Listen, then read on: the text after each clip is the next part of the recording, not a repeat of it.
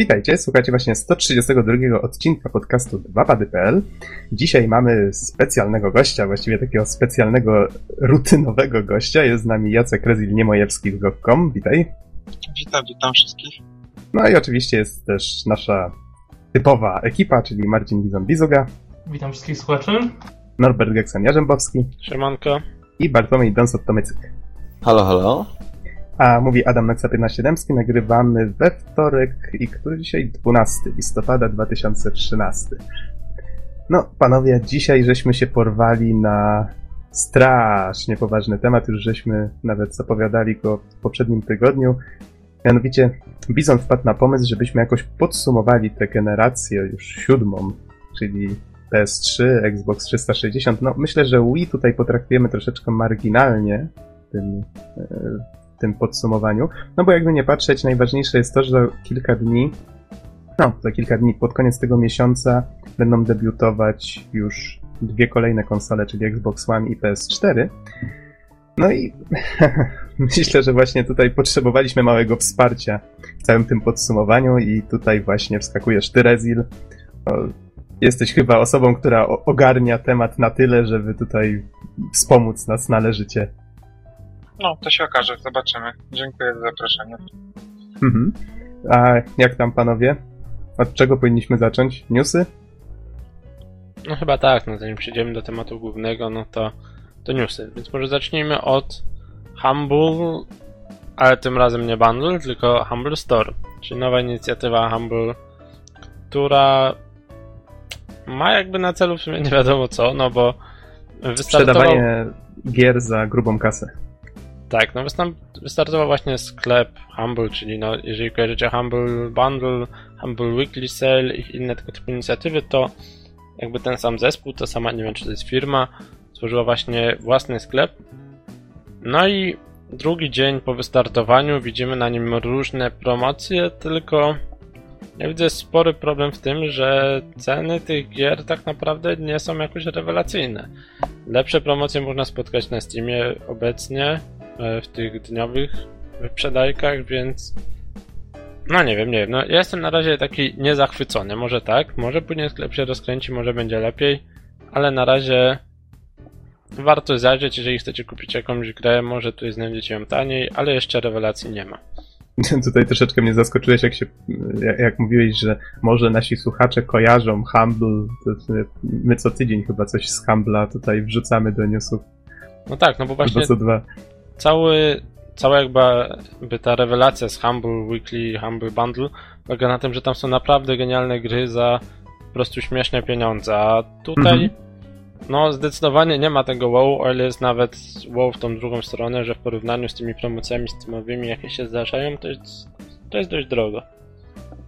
Tak zastanawiam Jak tak spojrzymy się... trzeźwo na to, może w ten sposób. Aha. Wiesz, wydaje mi się, że oni to zrobili dlatego, że mieli więcej chętnych do wzięcia udziału w tych akcjach, niż byli w stanie faktycznie zorganizować tych akcji. Prawdopodobnie stąd to się wzięło. No, poza tym wiadomo, że to musi generować naprawdę coraz większe zyski, ten cały humble bundle. Już nie wiem, jak się właśnie nazywa ta... Rezil, jak się nazywa ta organizacja, która to organizuje? Za Humble Bundle? Tak. tak. Wiesz może? To nie jest jedna organizacja. To jest parę Mhm. firm. Okej. Okay. Tak naprawdę to nie ma znaczenia, tak? W każdym razie możecie zajrzeć sobie na Humble Store, ale no na razie nie spodziewajcie się tam czegoś super. Być może w przyszłości to się poprawi. Ja mam nadzieję tylko, że te wszystkie promocje odejdą w jakimś czasie. Może na pewnej generacji. Konsole tak nie szaleją jak PC, to jest to bardzo szybka droga do upadku branży. Te, te ceny zawrotne. No ale to inny temat. Mm, troszeczkę słabo cię słychać, Rezil. W każdym razie. Co masz na myśli, mówiąc, że to droga do upadku, jeżeli dobrze usłyszałem? No mówię, to jest dosyć długi temat, nie chcę go teraz zaczynać. Natomiast Mhm. e, jeśli utrzymają się takie inicjatywy jak e, Humble Bundle, Indigana i tak dalej, czyli nowe i stare gry PC po bardzo niskich cenach, to niestety jest ta polityka, która zjada swój własny ogień i e, nie będzie pieniędzy na to, żeby produkować nowe gry, więc rynek będzie się cofał i Może, może być niewesoła. W skrócie Mhm. chodzi o to, że ja nie kupiłem żadnej nowej gry na PC od ho, ho, ho, w sensie takiej nowej na zasadzie w pudełku za 120 zł, bo moim zdaniem nie warto, bo za 3 miesiące ona wyląduje w Humble Bundle albo w innym bundlu. Albo masz po prostu tyle gier, że się nie opłaca. No tak, to też. Do tego dochodzi PlayStation Plus i w sumie nie, nie ma po co kupować gier w Mhm. normalnych cenach. Można grać cały czas właściwie nie wydając pieniędzy. Gracze PC-towi zaczęli żyć od promocji do promocji, co jest strasznie trudne. Mhm. Okej, w takim razie przejdźmy dalej. E, Tutaj właściwie mogę streścić to w jednym zdaniu. Być może niedługo system PEGI w Polsce zostanie e, uprawomocniony, czyli prawdopodobnie będzie to działało w ten sposób, że sprzedawcy nie będą mogli legalnie sprzedawać osobom na przykład poniżej 18 roku życia właśnie gier ze znaczkiem PEGI 18. No tylko, jak tutaj żeście już słusznie przed podcastem zwrócili uwagę, zazwyczaj to rodzice kupują dzieciom takie gry, więc to problem leży jakby po stronie rodziców. Ale myślę, że to jest informacja raczej budująca, dobrze, że coś się dzieje w tym, w tym kierunku. E, No i właściwie coś, o czym ja tutaj postanowiłem wspomnieć, bo Rezil uświadomiłeś mnie, że wyszedł w końcu ten DLC do, do Bioshock Infinite, czyli Burial at Sea, e, epizod pierwszy. I dzisiaj ma swoją premierę. Kurczę, dla mnie to zupełnie niespodzianka, bo jak szukałem kiedyś jakiejś informacji, kiedy on ma wyjść, taka cisza, cisza, cisza, nagle, nagle ty mówisz, że już dzisiaj wyszedł. No, super, ekstra, tylko szkoda, kurde, że tak mało czasu akurat mam, żeby go dzisiaj wypróbować. A No, spotkał się z falą krytyki dosyć ten dodatek, zobaczymy, no jest warto, jestem ciekaw. Mhm. No myślę, że na pewno jeszcze w podcaście troszeczkę o nim powiem, jak, jak będę miał okazję Jest go wypróbować. jest jakiś bardzo, bardzo krótki, coś tak słyszałem. Nie Jest bardzo to prawda. krótki i bardzo facing jest źle podzielony. W sensie jest dużo, dużo chodzenia i nic się nie dzieje, po czym jest tylko i wyłącznie sama walka i zaraz się kończy. Aha, no to trochę mało budujące wieści. No i w sumie na ostatek jeszcze powinniśmy wspomnieć o Bliskonie, ale to myślę, że Rezil tobie tutaj oddam pałeczkę, bo wiem, że oglądałeś Bliskon w tym roku. Tak, tak, udało mi się obejrzeć cały BlizzCon. Generalnie bardzo ciekawa impreza, bardzo ciekawe wydarzenie, tym bardziej, że nie było rok temu, więc wszyscy czek czekali, co, co zrobi największy Blizzard. E, tym bardziej, że ostatnio było trochę problemów finansowych, bo Activision Blizzard się odłączyli od wielkiej grupy, nazywa Vivendi.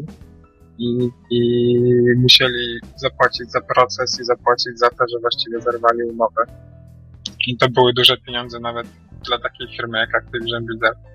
Natomiast impreza była bardzo huczna, bardzo wielka i dużo ciekawych informacji.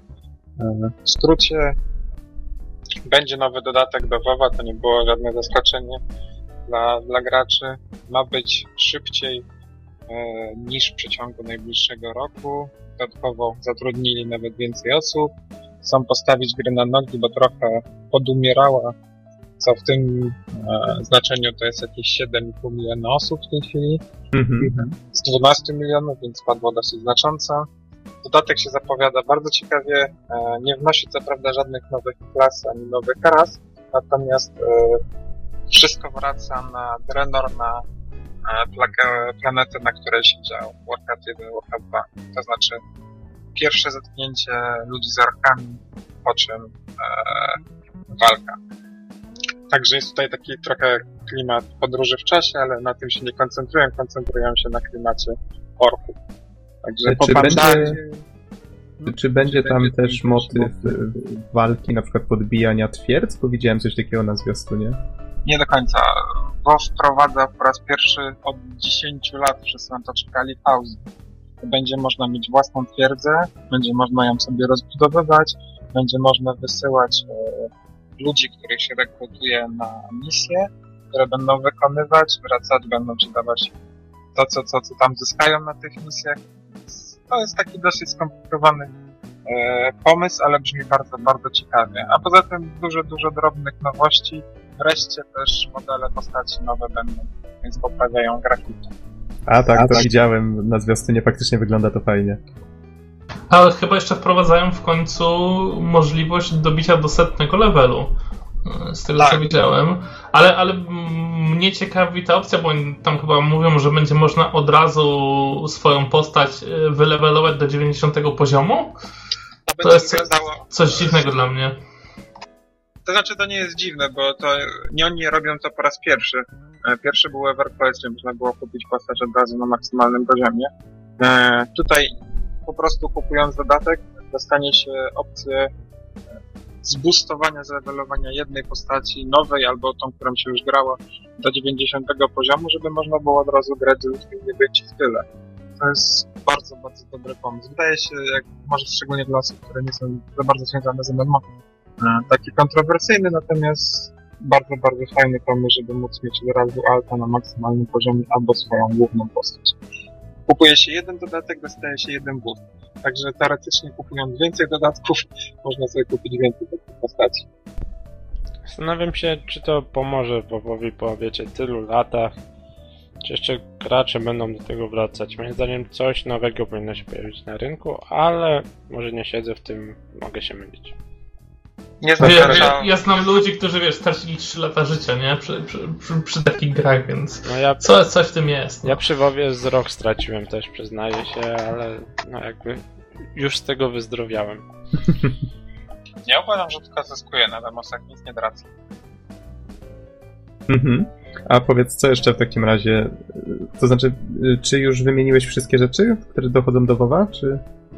E, Do WoWa no, jest znacznie więcej oczywiście, bo to jest duży dodatek, natomiast to bym musiał pewnie cały podcast e, zająć. Natomiast Okej. warto, warto wspomnieć o następnych rzeczach. Następna rzecz e, ze świata jeszcze zostajemy Warcrafta, to będzie film. Był pierwszy panel poświęcony e, filmowi World of Warcraft, a właściwie będzie się pewnie nazywał Warcraft, bo opowiada o pierwszym spotkaniu ludzi i orków, czyli podobnie jak ten dodatek. Pokazali mi parę projektów, zapewnili, że osoby odpowiedzialne za ten film są fanami gry i wiedzą co robią. I tak to wyglądało zresztą na panelu. I, i wygląda bardzo obiecująco, ale no trzeba poczekać przynajmniej rok na, na pierwszy zwiastun. E, Dalej w temacie dużych gier Blizzarda było Diablo i dodatek Reaper of Souls.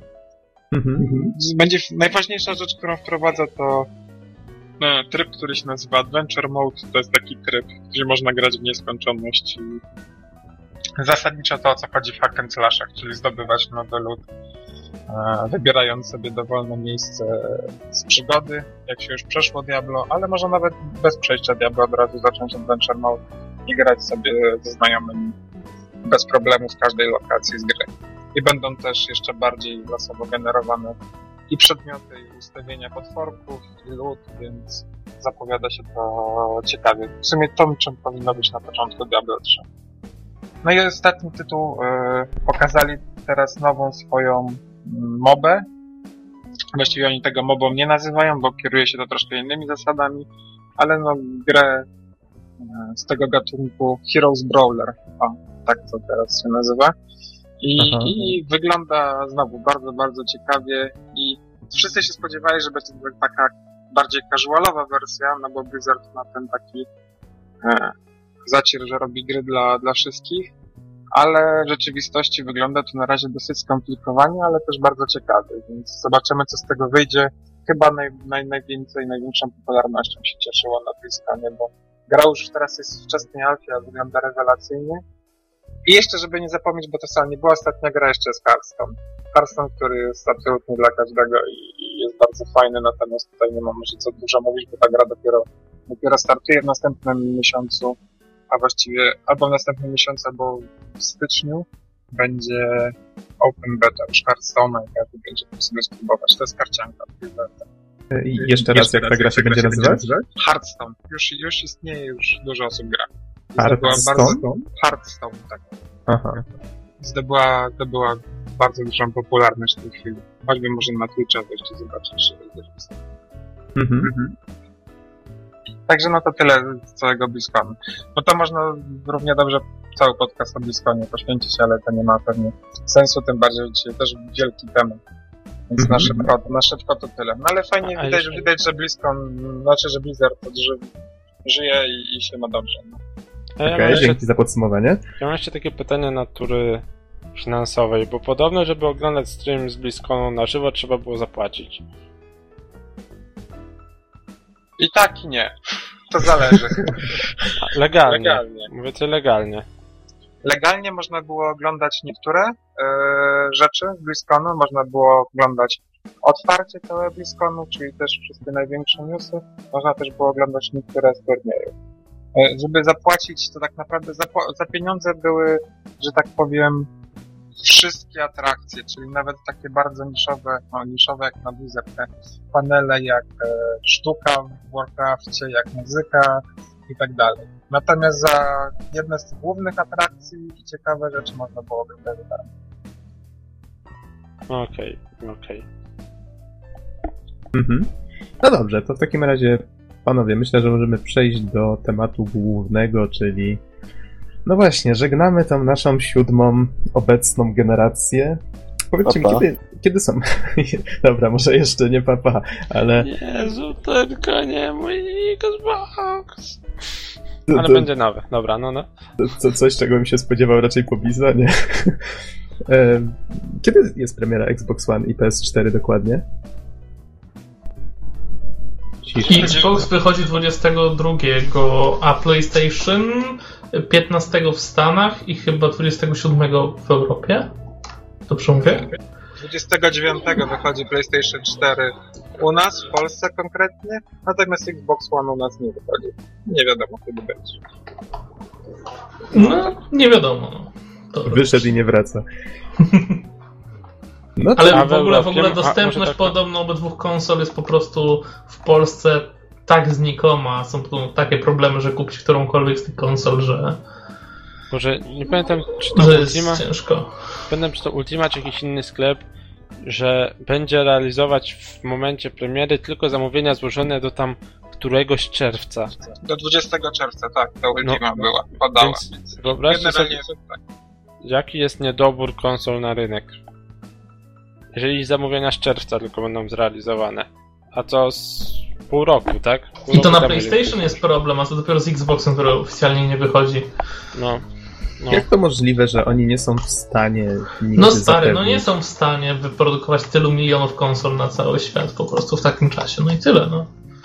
No nie, żeby nie podejrzewali, że taka, ta, tak Nie, nie, ja, ja zrobić, myślę, nie? że po prostu fizycznie fabryki nie są w stanie tego wyprodukować, spakować i rozesłać, tak, na cały świat.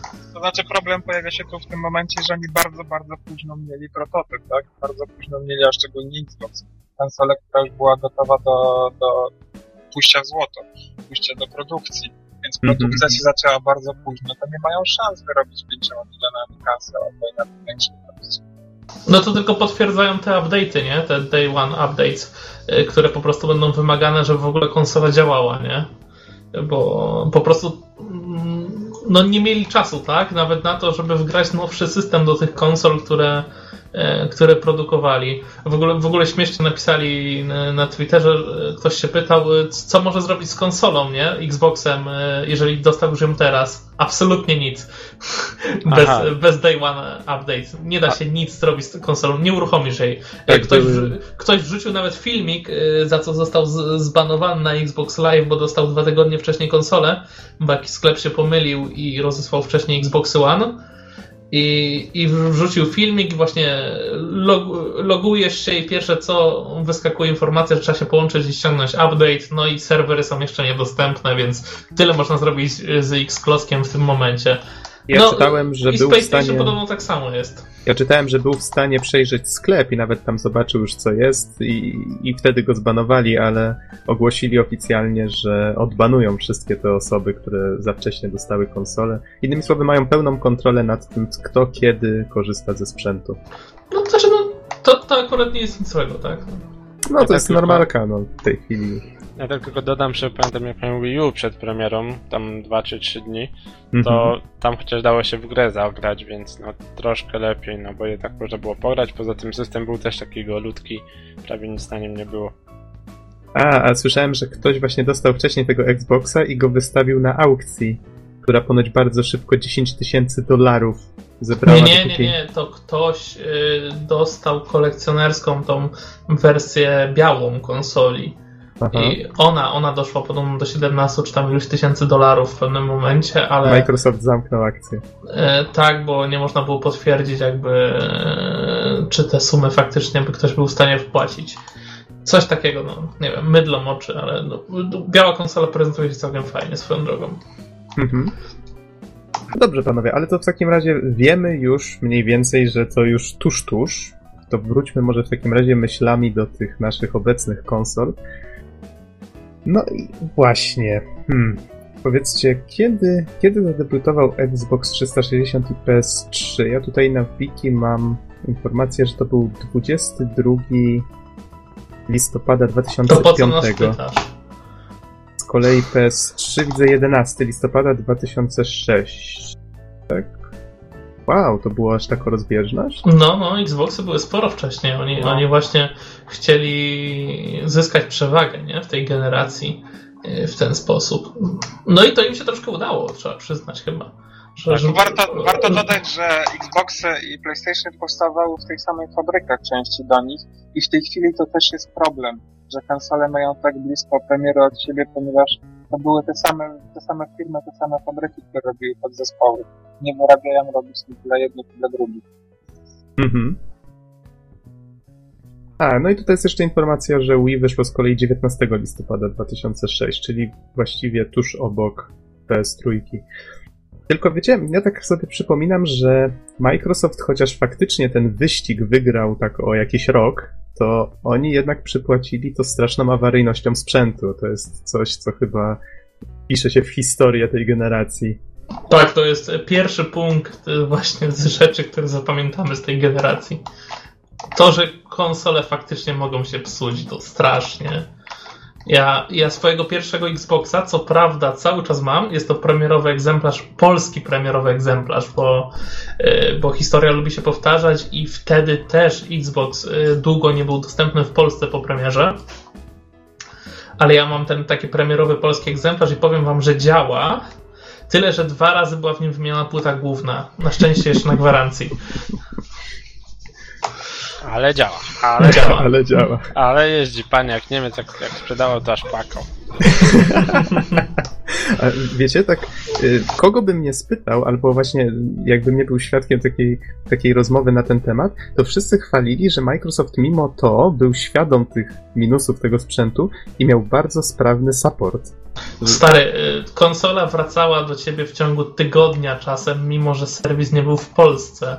Aha. Przyjeżdżał kurier, przywoził specjalne pudełko pod wymiar konsoli, wkładałeś konsolę, zabierał i dosłownie tydzień później y, konsola była z powrotem u ciebie i zawsze do tego jeszcze Microsoft dorzucał jakiś upominek, a to miesiąc y, Xbox Live Gold, a to zdrabkę na jakąś grę. E, naprawdę wywiązywali się y, z, z tego całego bałaganu dość sensownie, trzeba im przyznać. Chociaż to, to właśnie E, przez to, że Xbox mi się popsuł drugi raz i trochę się wkurzyłem, poszedłem kupić PlayStation 3. I w ten sposób, w ten sposób e, złapałem w tej generacji drugą konsolę. Aha. Myślę, myślę, że warto dodać, o czym się mówi bardziej nieoficjalnie, ale można znaleźć dużo, dużo potwierdzenia e, tego faktu, że to był największy w branży elektronicznej fail finansowy, jaki się wyda w ogóle w, w historii E, wydarzył. O tym się dużo nie mówi, ale Microsoft, dla Microsoft i dla całej branży jeszcze czegoś takiego wcześniej nie było. Ile oni zapłacili za te Xboxy, które trzeba było wymienić. A jak jesteśmy jak jest... przy failach, pamiętacie może wielką awarię PlayStation Network? Gdzie ludzie a, mogli grać zaczęli. online przez miesiąc? No bo w sumie to też jest kawał historii tej tak, tak. generacji. Tak. Pamiętam, kurczę, nie, nie, pamiętam dokładnie kiedy to było, ale tak, była ta, ta głośna afera, że e, Anonymous, tak? Włamali się znaczy, na serwery te, PSN. Teoretycznie nie wiadomo, kto, kto, kto się włamał, tak? W każdym razie włamano się, ukradziono dane, ukradziono kart, dane kart kredytowych, e, ukradziono hasła i inne tego typu rzeczy i no i to się odbiło strasznym, strasznym echem, jak to Sony nie dba o zabezpieczenia na serwerach i ba, najgorsze to, było to w, tym... w polskich wiadomościach mówili o tym. To, to, tak? to już faktycznie było spore wydarzenie. No jak polskie wiadomości mówią o rynku gier, no to już to, to już nie może być dobrze, nie? Znaczy, trzeba wspomnieć, że to nie tylko PlayStation Network padło, to po prostu padły wszystkie po prostu po kolei. Tydzień z tygodnia padały wszystkie usługi sieciowe Sony. Ktoś się uwziął na nich wtedy ostro i, i zarówno sklepy z muzyką, z filmami, absolutnie wszystko poleciało po kolei. I to faktycznie trwało długo. I to chyba ponad miesiąc nie było PlayStation Network, nie? Tak, tak. Pamiętam, że to, to było chyba w okolicach maja, albo, albo trochę przed, bo tak pamiętam, sobie przypominam, że jeszcze na majówce wtedy żeśmy rozmawiali na ten temat. Może nawet z Rezinem, ale już sobie nie przypominam szczegółów. Nie pamiętam, w którym to roku było. No ale faktycznie odbiło się to sporym, sporym echem i, i potem starano się to jakoś wynagrodzić graczom. To chyba był y, dając goldy? Nie, dając tak, PlayStation Plus. A plus, plus, właśnie. Plus, nie gold. A nie było tam jakiejś gry jeszcze? Nie, nie, nie, rozdawano gry. Ja do tej pory mam na swojej konsoli niezainstalowane Infamous, które pobrałem. A tak, faktycznie, były darmowe gry. Można było sobie wybrać z kilku różnych tytułów. Chyba cztery tytuły jakieś były, z tego co pamiętam. Tylko dzięki temu mam Little Big Planet na, na dysku. Ale gierka jest sympatyczna. Ale wiecie co, to też pokazuje tą największą zmianę w tej generacji tak naprawdę. To była pierwsza prawdziwie sieciowa e, tak naprawdę generacja konsol. E, po raz pierwszy, po raz pierwszy w historii nasze konsole zostały wszystkie jak jeden mąż podłączone do, do internetu, tak? To, mhm to jest chyba największy kamień milowy tej generacji i te wszystkie no, dobre i złe właśnie rzeczy, które, które przy, przyniosła ta zmiana, tak? Z jednej strony zyskaliśmy wreszcie sklepy, tak? Z których mogliśmy pobierać dema, kupować e, gry z cyfrowej dystrybucji. E, dzięki temu tak naprawdę otworzył się zupełnie nowy segment gier E, już pomijam teraz bardzo modne indie, ale te wszystkie gry arcade, mniejsze, które normalnie pudełkowo nie miałyby szansy wyjść, e, zaczęły nagle się pojawiać na konsolach i to, to, to, to, to miało chyba spore znaczenie, tak? Na rozwój właśnie rynku i w to, co graliśmy, tak? W tej generacji. Mhm. Tak, tak. A może a ja mogę tak jeszcze wrócić na chwilę z tematami, no bo to, co zacząłeś, to jest temat rzeka, mm, ale chodzi mi o to, taki temat, jakby nasze początki z tą generacją. Jak to było, kiedy po raz pierwszy otwieraliście Xboxa, PlayStation 3? Pamiętacie jeszcze, czy nie bardzo? To może zacznijmy od tego, kto z nas ma którą z tych konsol. To ja zacznę jako może osoba, która załapała się na wszystkie konsole w tej generacji, bo to, e, bo miałem faktycznie w pewnym momencie wszystkie e, trzy konsole na półce, więc no, e, liznąłem tą generację. I jedna no, z nich ci gdzieś uciekła, tak z, z każdej strony, tak, tak. moje Wii jest w dobrych rękach u Adama Noxa. Ale powiem wam tak, ta, ta generacja to, to było coś więcej niż konsole. Ta generacja to były nowe telewizory i to był chyba największy ból e, związany z tą generacją, a tak naprawdę e, byłem jednym z tych szczęśliwców, którzy mieli najpierw telewizor i, i jakby ten, ten, ten te telewizor zmusił i, y, mnie osobiście do, do zmiany konsoli i kupienia tego Xboxa w dniu premiery, bo na PlayStation 2 po prostu te telewizory, które były pierwsze, te HD Ready, tak, bo to nawet nie były HD, po prostu charakteryzowały się po prostu absolutnym brakiem sensownego upscalingu i, i gry z PlayStation 2 wyglądały jak no, za przeproszeniem kupa na ekranie i nie dało się w nie grać. I to, to, to zmusiło mnie do zakupu Xboxa i no po prostu wrażenia dla gałek były niesamowite. Do, do, tej pory, do tej pory pamiętam te dwie pierwsze gry, które zagościły w konsoli. To był Project Gotham Racing 3 e, i Dead Rising pierwszy. No grafika po prostu wtedy zabijała w, w tym momencie, kiedy to się pojawiło. Mhm. Ja już taką scenę miałem przed oczyma, jak telewizor dusi Bizona i kup konsolę. A dobrze, to powiedz w takim razie... Ktoś jeszcze na Xbox miał Xboxa jak, w tej generacji? No ja mam też wszystkie konsole, znaczy mam je nadal. I, I jak najbardziej też najpierw kupiłem Xboxa, ponieważ PlayStation było wtedy jeszcze znane z tego, że nie miało po prostu gier za dużo. Xbox miał tego znacznie więcej, poza tym miał bardzo ciekawe ekskluzywy. Ja chyba najpierw miałem e, Cameo i też Dead Rising pierwszy. E, bardzo, bardzo fajne wtedy wrażenie. Był z tym, że nie miałem telewizora, więc grałem na monitorze. Miałem tak Ale to, to i tak, i tak widziałeś te gry na szczęście w HD, nie? Tak, tak. To znaczy, nie, najpierw jeszcze pamiętam, w ogóle musiałem bawić się przejściówki, nie miałem żadnego kabla HDMI, ale potem jak się już zdobyłem kabel, to wyglądało to naprawdę ciekawie. Mhm. A to A Noxu, jak tam wrażenia z PlayStation? E, ja, to znaczy nikt tu z nas, rozumiem, Xboxa już nie posiadał. Bo ja tutaj faktycznie, e, bo Norbert, ty nie masz ani Xboxa, ani PS3. Don tak samo. No właśnie, to tutaj widzę, nasza trójka będzie tutaj głównie konsolowców pewnie wymieniać wrażenia. E, Ja Xboxa nie mam, ja zacząłem od PS3, tylko że ja, tak jak wspomniał tutaj Rezil, patrząc na to, że faktycznie tych gier po pierwsze nie było zbyt dużo na PS3, poza tym ceny były strasznie zaporowe. Ja jakoś tak... Znaczy wiesz co, te No. ceny były mniej więcej takie jak teraz są te ceny nowych. Nie, PS3 FAT kosztował ile? Ponad 2000 zł. Nie, Ja mówię o grach. Ja mówię o grach. Ja, ja też PS3 Fata kupowałem za kupę kasy, pamiętam chyba 2400, Aha. a, a gry były po 250 zł chyba. Motorstorm pamiętam nabyłem i Resistance. No po prostu było drogo wtedy. Mhm.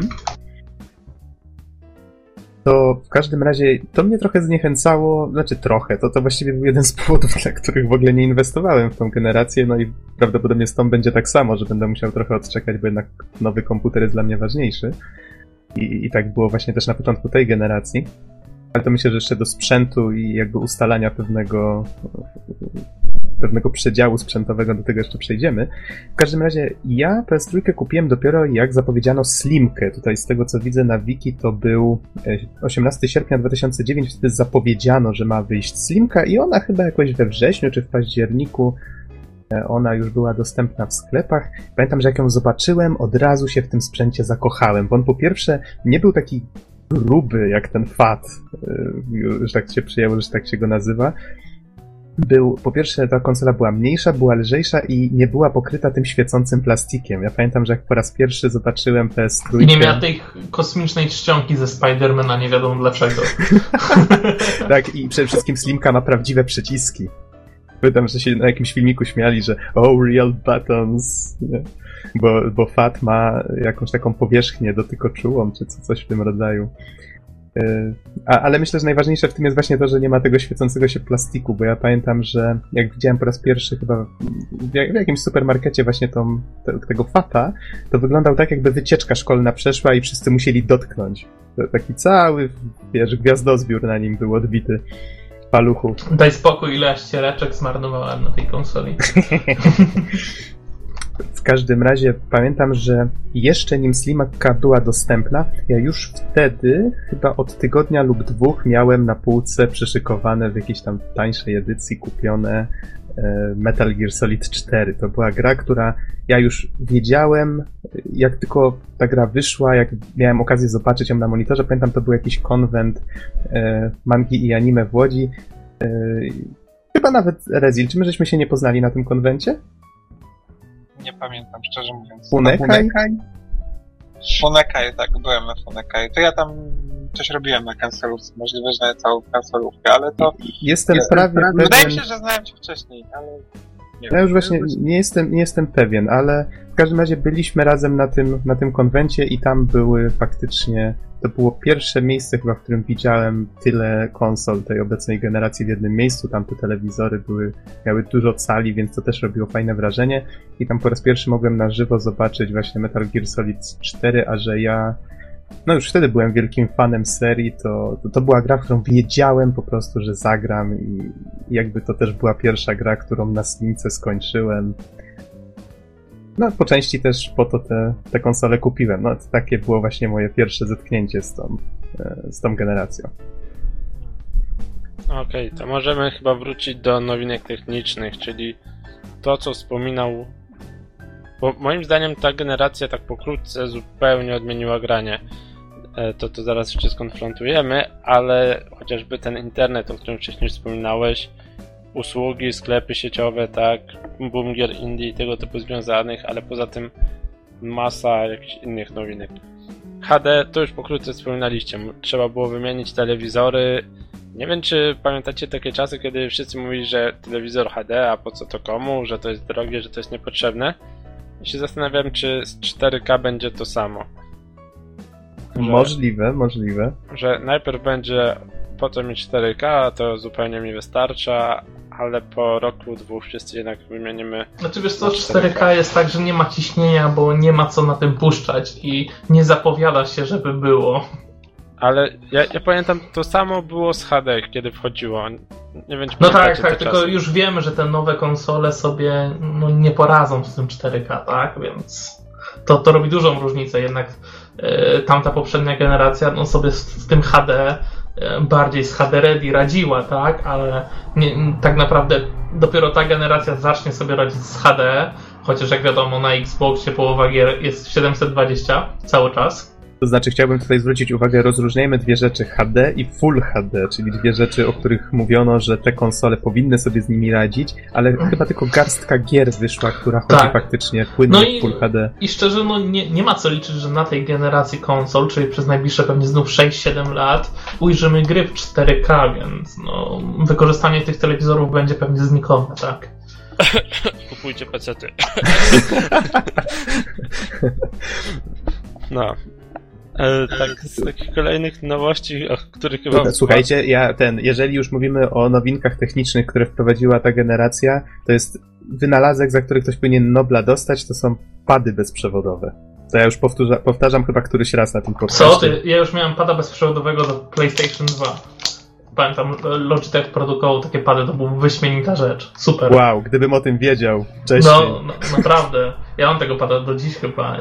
To świetna, świetna rzecz. Moim Mhm. zdaniem mistrzostwem jest pad od Wii U, troszeczkę zmieniam jakby temat, ale wiecie, to, że ja mogę sobie wrzucić słuchawki i przenieść grę na ekran konsolki, raczej ekran tego Ale pada. to już, jest, to już jest nowa generacja. To... No wiem, wiem, a, a, ale to jest jakby kolejne stadium, tak, tych, tych kontrolerów bezprzewodowych, gdzie zupełnie już nie potrzebujesz telewizora. Ani Ja żadne myślę, że ci nie wiążą. Myślę, że jeszcze warto przy poprzedniej generacji takich nowinkach, które były wprowadzone, bo to się wiąże też z siecią, ale nie, nie jest wyłącznie dla sieci, wspomnieć o achievementach, bo tego wcześniej nie było, a to zrobiło duży, duży, dużą furorę wśród graczy. A, no faktycznie, o Takie tym, trafisy i achievementy. o tym bym zapomniał. No właśnie, to Tak. wiecie, tak już żeśmy, zdarzało się, żeśmy dyskutowali o achievementach, o trofisach i nie wiem, czy jest To- sens tutaj aż tak mocno się w to wdrażać, ale...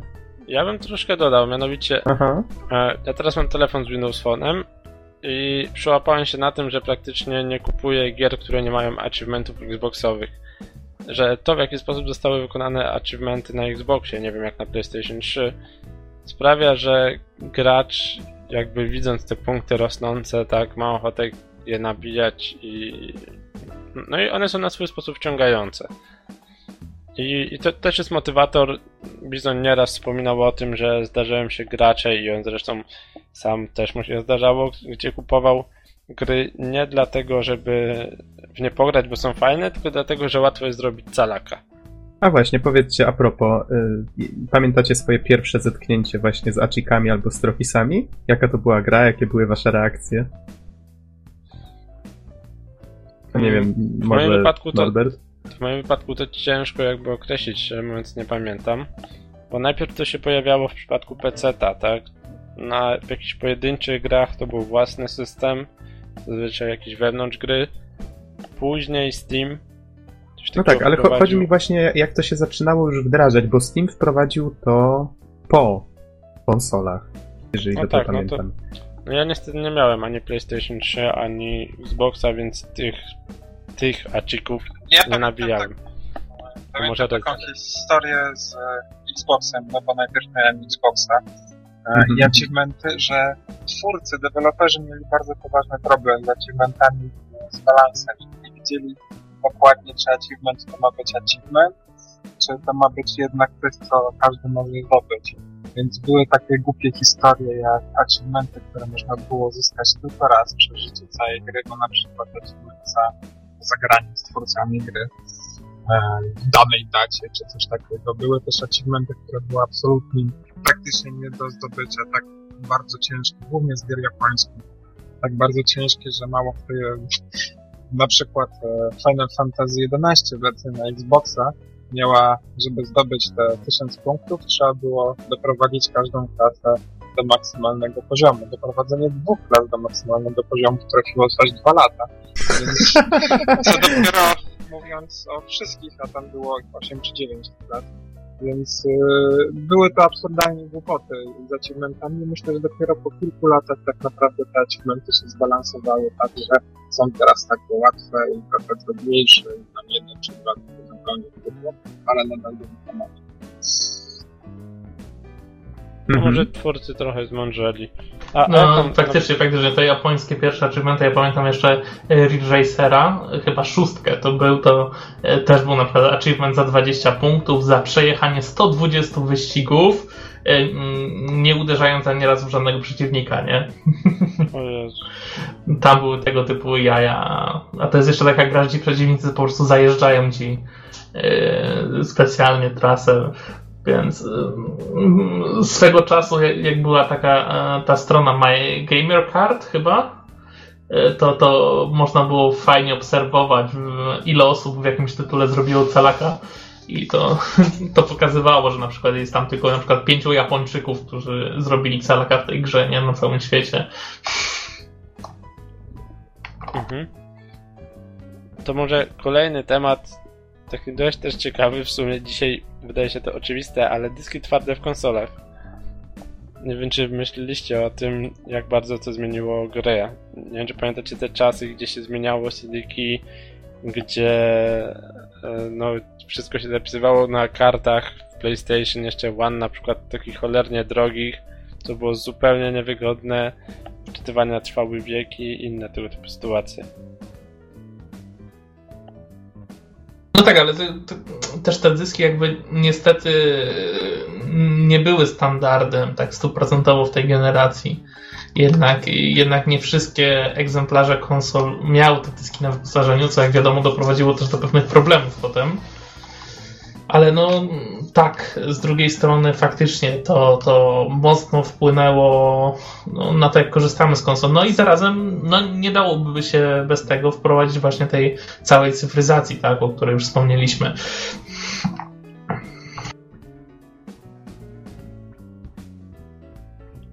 Okej, to może kolejny temat, który chyba widzę, że nikt nie ma za dużo do powiedzenia. Kontrola ruchem. Coś, co się zaczęło od Wii, później zostało jakby wymyślone na nowo przez Kinecta.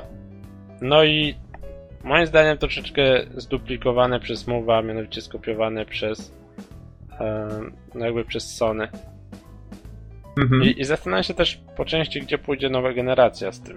Jak, jakie ma możliwości dokładnie mm, no, nowy Xbox i ten Kinect 2, który jest dołączony standardowo do konsoli, którego się nie da pozbyć, przypominam. Czyli- Da się pozbyć. Y, Można go odłączyć w tym momencie. Mm, Nie jest wymagany do działania konsoli. Tak a propos. Fajnie, że jak ta inicjatywa tego Kinecta się przyjęła, to faktycznie Microsoft postanowił teraz uczynić go takim integralnym elementem kolejnej generacji. To, to wróży, że faktycznie Kinect może troszeczkę zawojować, trochę coś zmienić, prawda? To jeszcze nie wiadomo w jakim stopniu. E, No ale tak jak żeś wspomniał, to wszystko jest ściągnięte z, z Wii. Szkoda, że Nintendo nie radzi sobie aż tak dobrze w tej generacji. Słyszałem, że Wii U e, jednak sprzedaje się dużo gorzej niż ten wielki poprzednik. Podobno tak. No i myślę, że Nintendo generalnie przeżywa ciężkie czasy, bo troszeczkę się spóźnili z tą całą cyfryzacją, tak? Mhm. Sklep wystartował dopiero przy okazji Wii U. Na Wii był, ale to było takie bardzo kulejące. No i.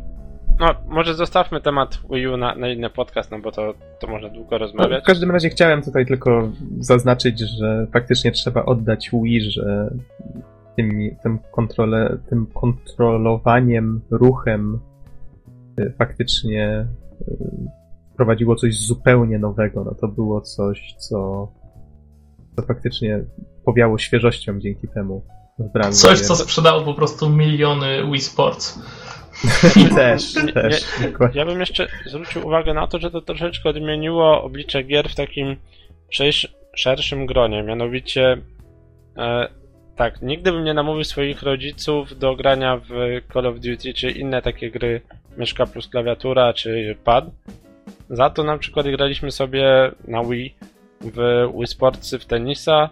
Zresztą no, to, to nie tylko rodziców, tak? Osoby, które na co dzień nie grają.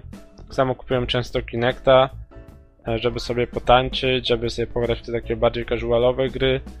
I co myślę ma duży wpływ na to, żeby po pierwsze zwiększyć sprzedaż konsol, owszem, ale po drugie trochę oswoić jakby graczy mm, jakby znaczy, to jest, to jest kolejna, kolejna rzecz, y, którą zmieniła ta generacja. Świadomość ludzi, szczególnie w takich krajach jak nasz, na temat gier i na tego, jak one wyglądają. To też jest bardzo ważne, tak? Bo jeszcze za czasów PlayStation 2 te gry tak jakby nie wypełniały tak? tej przestrzeni społecznej. Ludzie tak dużo o tym nie mówili i gry były dużo bardziej postrzegane jako zabawki dla, dla dzieci. Teraz razem z tą generacją to wszystko troszkę się zmieniło, poszło do przodu.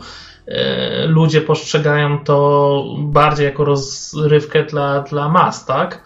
I to jest dość ważne, bo, bo, tak, tak, bo, bo w pewnym sensie Wii stał w takim się taką... sensie społecznym, tak? Gry stały się po prostu no, jednym z tych wiodących mediów w końcu. Wiesz, Bizonie, słusznie żeś powiedział, y, Wii w pewnym momencie stało się taką fabryką casuali. To... Znaczy, chodzi mi też o taki szerszy zakres, mianowicie owszem, Wii też miało dużo casuali, ale to, że nie wiem czy pamiętacie, powiedzieć 10 lat temu, że gracie w gry komputerowe, to było takie dość dziwne na swój sposób, a dzisiaj każdy gra tam, czy to w no nie wiem, taki facet 20 kilka lat typowy, no to w jakimś FIFA sobie od czasu do czasu pyknie. Tak, tak, znaczy mnie nie chodzi tutaj o nic negatywnego, no. chodzi mi po prostu o to, że właściwie ta konsola e, sprawiła, że stworzył się taki segment rynku, osób, które, tak jak mówisz, nie grają regularnie, które chciałyby sobie coś lekkiego popykać od czasu do czasu. Myślę, że coś takiego przed tą generacją raczej nie miało miejsca. No, znaczy, to, to, już, to już nie chodzi, to już naprawdę nie chodzi o samo Wii, tak? Chociaż faktycznie one miały swój znaczący udział w tym wszystkim, ale zobaczcie nawet y, takie proste rzeczy jak ktoś wziął i po prostu zaczął normalnie reklamować gry jako normalne rzeczy w Polsce, tak? Pojawiły się reklamy, billboardy, yy, normalne telewizyjne reklamy nawet i, i to już nikogo nie dziwi. I, I to jest fajne, tak? To, to już nie jest tylko rzecz yy, dla geeków, nerdów i innych tam dzieciaków, tak? Które siedzą przy tych komputerach całymi dniami i bój Panie Boże czynią zło, tak? No właśnie, to się zmieniło trochę, że, że jakby grać to już nie jest takie, takie nerdostwo jak kiedyś, o, w ten sposób. Ale to, to, jest... No, no. Sorry, że ci przeszkadzam, wszedłem słowo. Moim zdaniem to nie jest zasługa Wii, chociaż może po części też, ale to jest po prostu zasługa bardzo dużej ilości pieniędzy, które zostały wydane na tą branżę po to, żeby ona stała się bardziej komercyjna i bardziej znana i mainstreamowa. I te reklamy, które widzimy GTA 5 w Polsce, to wszystko jest tylko i wyłącznie zasługa pieniędzy i tego, że w poprzedniej generacji gry nie kosztowały 200 milionów dolarów, a teraz tyle potrafią. No.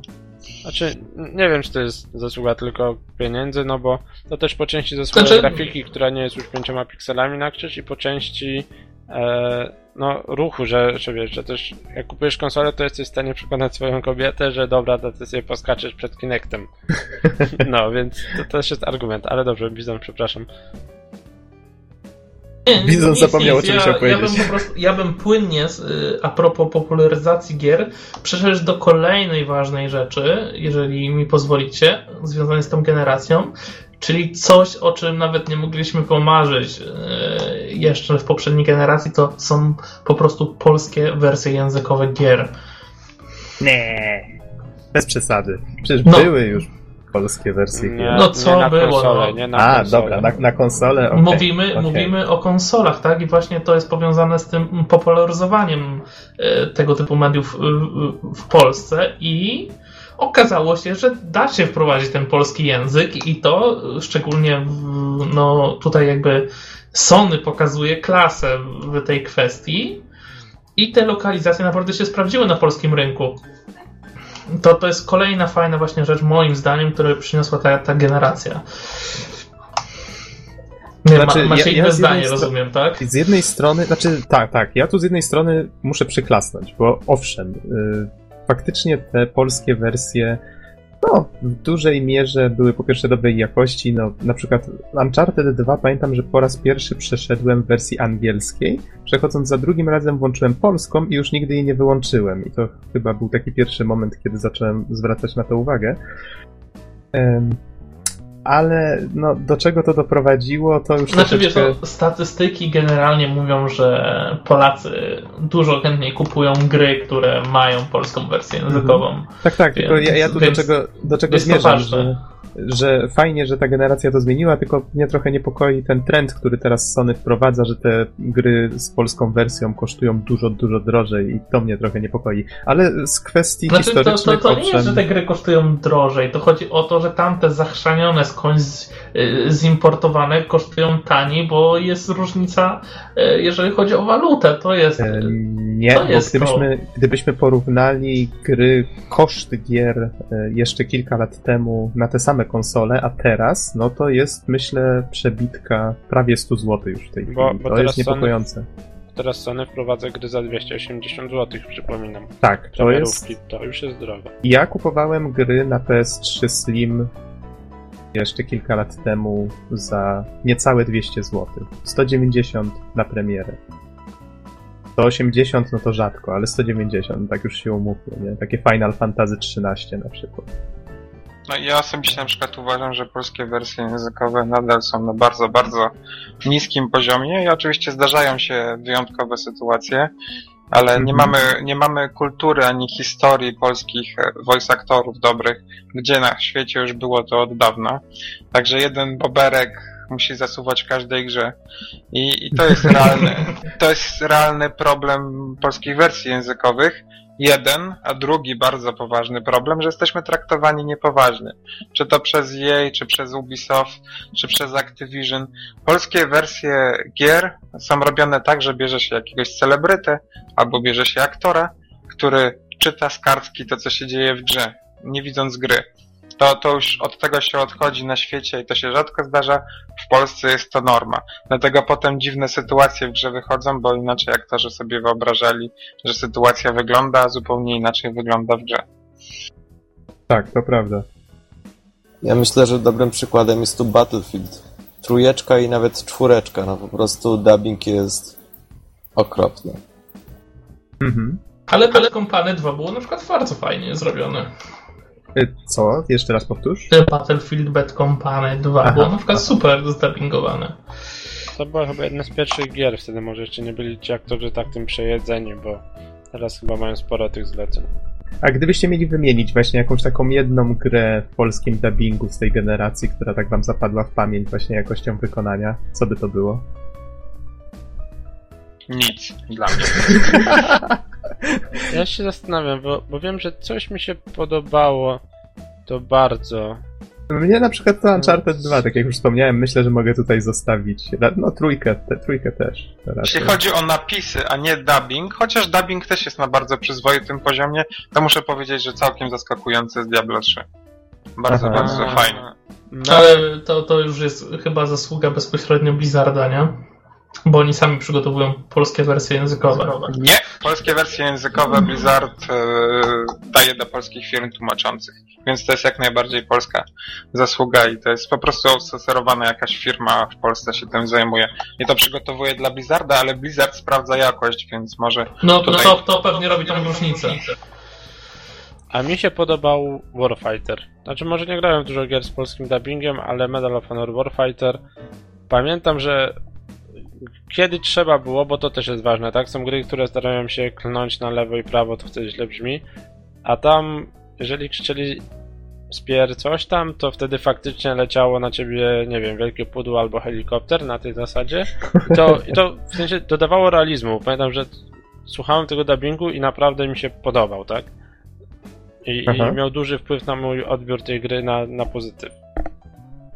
Okej. Więc jakby to, ale to taka dość świeża produkcja. Kto jeszcze nie wymienił? Chyba. Mi się, mi się teraz podoba, gram w Halo 4 i całkiem, Aha. całkiem przyzwoicie mi się podoba ta polska wersja językowa.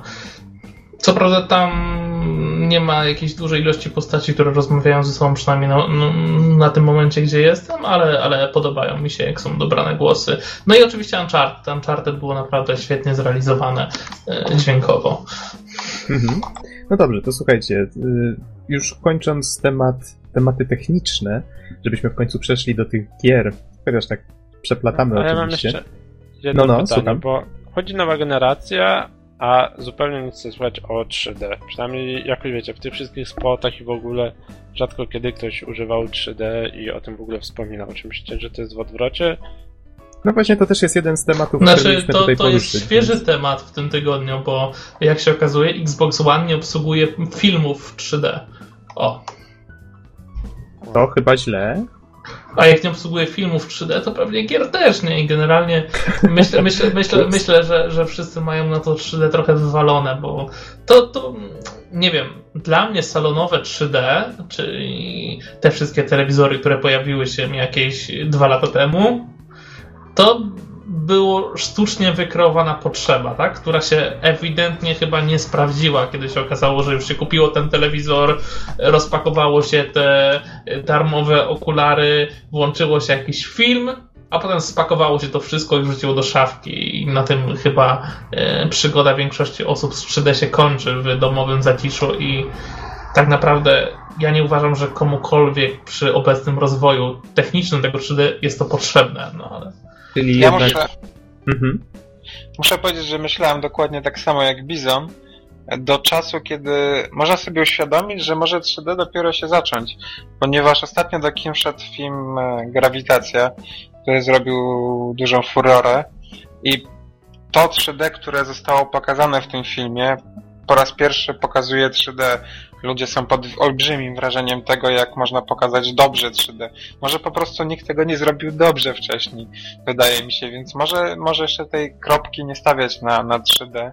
Nie wiadomo jak będzie, na razie faktycznie jest trochę w odwrocie, ale... Ja, ja, ja powiedziałem, tak powiedziałem, mi chodzi o obecny rozwój tego, tak? W tym momencie to, co mam dostępne w salonach jest po prostu za słabe, tak? Jest za słabe. Możliwe, że jakaś nowa generacja filmów lepiej przemyślonych pod tym kątem 3D coś zmieni, ale myślę, że przede wszystkim kluczem do tego wszystkiego to są te telewizory, które po prostu muszą zacząć działać bez okularów. Nie wiem, jak oni to zrobią, ale to jest dla mnie jedyna sensowna opcja. Mhm. To ja tutaj jeszcze dodam a propos jakości. Wiecie, tak może wychodząc trochę z salonów do kin, ja e, coraz częściej bywam właśnie na filmach 3D, bo najzwyczajniej w świecie uważam, że jak już się idzie faktycznie do kina, to warto pójść na, na jakiś film w 3D, tak żeby, wiecie, zaznać jakichś wrażeń, których w domu nie ma. I też łatwo zaobserwować, że te filmy są bardzo różnej jakości. No teraz na przykład byłem na tym najnowszym torze. I faktycznie to 3D tam wygląda słabo, a na przykład taki, wiecie, Avatar czy Pacific Rim, no tam 3D faktycznie robiło wielkie wow, więc to, to też różnie bywa. Tutaj troszeczkę odszedłem oczywiście od tematyki gier. Ale, ale, ale powiedz szczerze, potrzebowałbyś oglądania czegoś takiego w swoim salonie? Czy Wydaje mi się, to wyskoczenie do kina czasem ci wystarczy? No? To jest dobre pytanie, ale wydaje mi się, że bardzo dobrze żeś tutaj poruszył kwestię tego, że te okulary są poza kinem zbyt upierdliwe.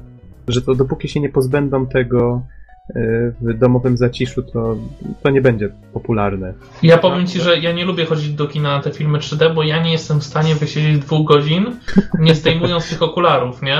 Kilka razy.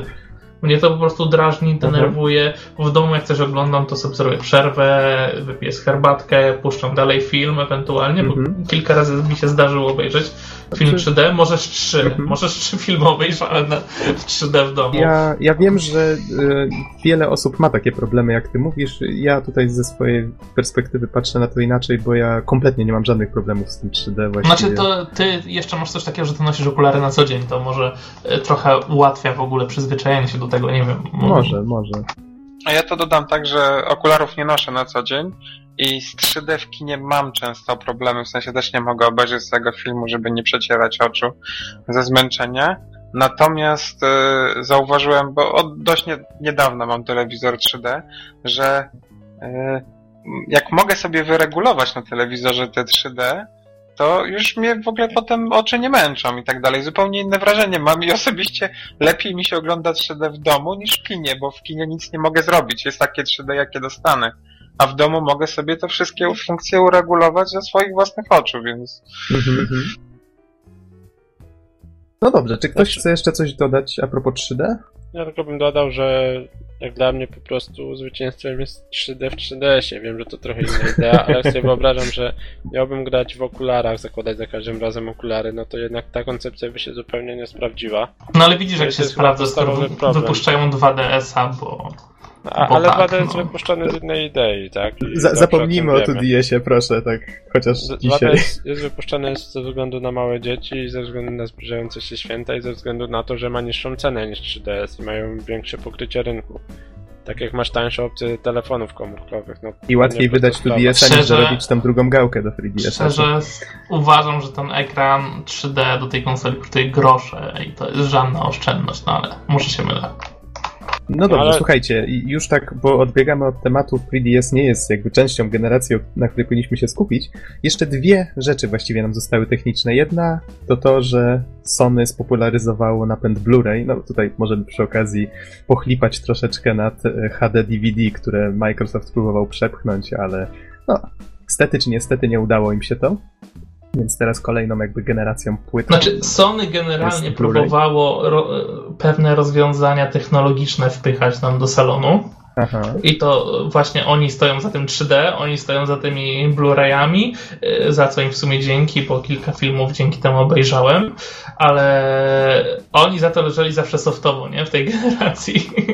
A za, tak. so, software'owo y, to generację jednak na, na Microsoft nam, nie? Pokazywał, jak to powinno y, wszystko wyglądać. A nie, nie, właśnie przypomniałeś mi, nie wiem czy pamiętacie, ale w ciekawy sposób Sony próbowało promować tego Blu-raya. yy, Na takiej zasadzie, że oni jako producent tej technologii sprzedawali też odtwarzacze Blu-ray.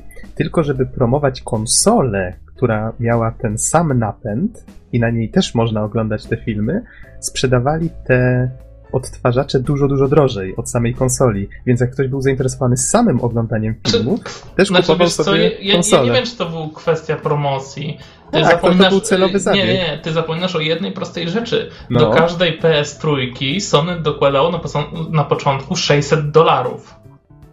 No dobrze, ale w takim razie bardzo im zależało, żeby tych konsol sprzedać jak najwięcej, żeby na grach potem zarabiać. Mm, mm, tak, zależało w sprzedaży konsol jak najwięcej, ale myślę, że to, że odtwarzacze Blu-ray zwykłe były droższe, wcale nie wynikało z promocji konsoli. Po prostu na odtwarzaczach Blu-ray oni musieli zarabiać sprzedając sprzęt, A no tak też mogło być. a sprzedając konsolę musieli dokładać, żeby ktoś kupował tę konsolę i kupował potem gry, więc stąd była ta różnica i, i w rezultacie faktycznie wyszło tak, że PlayStation 3 stało się najtańszym odtwarzaczem Blu-rayów na dysku na to, chyba rynku. wpłynęło, to chyba wpłynęło pozytywnie, nie? Na sprzedaż. I Wiesz co, po, no, pozytywnie, a teraz powiedz mi, ile twoich y, znajomych czy ludzi w rodzinie ogląda filmy na Blu-rayach, a ile ogląda jeszcze na DVD? no. A, to jest mim- bardzo mimo, podchwytliwe mimo pytanie. tych, tych siedmiu lat y, tych Blu-rayów dostępnych, to ich popularność, przynajmniej w Polsce, jest praktycznie zerowa. Powiem tak, nie mam żadnego filmu na Blu-rayu. Ale myślę, myślę, że wiecie, że kinomani, tak? No my jakby siedzimy bardziej w grach, ale jeżeli ktoś jest kinomanem, to jednak wybierze tą wersję na Blu-rayu i dopłaci tą dychę czy dwie do filmu. No tak, ale, ale nie, sto, nie stało się to popularne społecznie, że tak powiem, w żaden sposób. No, Znaczy ja myślę, że z- jednak mimo wszystko w Polsce zastępuje powoli Blu-ray DVD, bo jeśli ktoś w ogóle ogląda filmy, że tak powiem, casualowo, niedzielnie, to, to po prostu obejrzy sobie na kompie i w ogóle się nie przejmuje kupowaniem. Takie są realia w Polsce. Natomiast jak chce już wydać pieniądze, to raczej kupuje, jeśli może, to wersję na Blu-rayu. Przynajmniej tak z mojego doświadczenia jest. No, ja mam parę filmów na Blu-rayu, ale to są filmy, że tak powiem, wyjątkowe, które po prostu musiałem mieć. A. Mhm. Ja jeszcze chciałem jedną rzecz wspomnieć odnośnie tej generacji, jeżeli możemy Tak. zamknąć temat Blu-ray. DLC i to całe cholerstwo, którego nie znoszę. To znaczy... Zbroja dla konia. Zbroja dla konia. Aha, cho- chodzi No. ci... Ale poczekajcie, czy to nie było przypadkiem już wcześniej, nie wiem, na PC-tach, czy to faktycznie te konsole tak to spopularyzowały? Nie, to się zaczęło mniej więcej w tej generacji konsol. No, Za jeżeli- pierwsze oficjalne DLC, takie, które wyznaczyło trend, uważa się właśnie zbroję dla konia w Oblivionie na Xboxie. Okej, Okej, okej, okej. czyli Nie faktycznie... jest to może pierwsze DLC naprawdę, ale jest to pierwsze DLC, od którego jakby poszła ta cała rewolucja. Mhm. No i A dzisiaj- najzabawniejsze jest to, jakiś czas temu czytałem komentarz właśnie Bethesdy na ten temat, że ludzie tak krytykują te zbroje, zbroje dla konia, a wyobraźcie sobie, że ludzie nadal ją kupują. Co to jest chyba właśnie, najstraszniejsze? a- Ale, Nie, to pewnie w jakimś bundlu kupują i Bethesda lubi się chwalić, bo to są duże bagi. Okej. dobra, ale wracając do tematu DLC, które moim zdaniem niestety popsuło rynek troszkę. E, już tłumaczę o co chodzi, mianowicie masa gier ma jakieś takie głupawe DLC na zasadzie nowe kostiumiki, nowe coś. E, nie wiem, wydają nową grę, która kosztuje 40. Już mówię o cenach steamowych, tak? 50 euro, ale możecie do niej dokupić Season Passa, który kosztuje kolejne 40 euro. Mm, No i wychodzi wtedy, że gra kosztuje 90, tak? I no nie wiem, nie wiem. No dla mnie już to nieraz mówiłem, że to jest kupowanie niekompletnej książki i się i wtedy nie kupuje gry. DLC dla mnie, no niestety, mają negatywny wpływ na rynek, bo jeżeli Mhm. ktoś planuje wydać ich dużo i są one sensowne, to sobie życzę Season Passa. Jeżeli ktoś wydaje ich mało, to są takie pierdółkowate, że aż szkoda gadać. No i tutaj właśnie jest troszeczkę jak z tymi achikami. One są, ale wcale nie musisz ich robić czy kupować, prawda? Więc No, nie do końca tak jest z DLC, bo z DLC problem w tej chwili moim zdaniem nie polega na DLC, które dodaje się w Season Passie czy po wyjściu gry, tylko w DLC w preorderze, gdzie czasem ewidentnie jest wycinany content z głównej gry tylko po to, żeby dodać coś i zachęcić ludzi do kupowania w preorderze, co jest bardzo niebezpieczne, bo gry w tej chwili wychodzą... To- to- I tutaj, tutaj do czego dążysz? Do tego całego bałaganu, który powstał jeszcze dodatkowo w tej generacji. Nie chodzi o samo DLC, chodzi o te y, wszystkie łatki do gier, które nagle pozwoliły twórcom robić tak naprawdę bardziej niedopracowane tytuły, bo przecież wszystko da się potem załatać w pewnym sensie, oraz do tych szanionych mm, sieciowych przepustek, które w pewnym momencie się pojawiły. To też przecież jest wytwór tej, tej generacji. Na szczęście już jest to w pewnym sensie zamknięty rozdział. No przykre Mhm. jest to, że zaczęliśmy od, prawda, mówię jeszcze o poprzedniej, poprzedniej generacji gier na PlayStation 2, gdzie tego patchowana przez sieć nie było, więc kupowałeś grę i miałeś pełen produkt i to było naprawdę fenomenalne z perspektywy dzisiejszego dzisiejszych lat, natomiast teraz doszliśmy do momentu, gdzie są mikrotransakcje w grach single player, co jest już w ogóle bardzo smutne. Mhm. A wiecie, skoro, Może t- tak gadamy i faktycznie ta generacja jakaś smutna jest. wiecie to, że skoro jeszcze nim przejdziemy do gier, czyli do wesołego tematu, ostatnia rzecz techniczna, a przy okazji też troszeczkę smutna, mianowicie zatrzymanie rozwoju grafiki na kilka lat. Nie uważacie, że właśnie ta generacja sprawiła, że y, twórcy nie przekraczali pewnego poziomu, ponieważ nie opłacało im się to robić, bo właściwie jedynie użytkownicy PC-ów byliby w stanie wtedy uruchamiać gry, no tak jak było kiedyś, pamiętacie, że co roku trzeba było na przykład nową kartę graficzną, wykupować więcej RAMu i tak dalej. W tej chwili to była generacja, która z jednej strony miała olbrzymi plus, bo e, ustabilizowała troszeczkę ten rynek. Kupowało się komputer na początku generacji, no tak jak tutaj na przykład ten, co stoi u mnie pod biurkiem i właściwie ja do dzisiaj gram we wszystko bez najmniejszych problemów i to jest fajne, no nie, wiadomo, nie trzeba A wydawać i tak kasy narzekasz, na komputer. widzisz?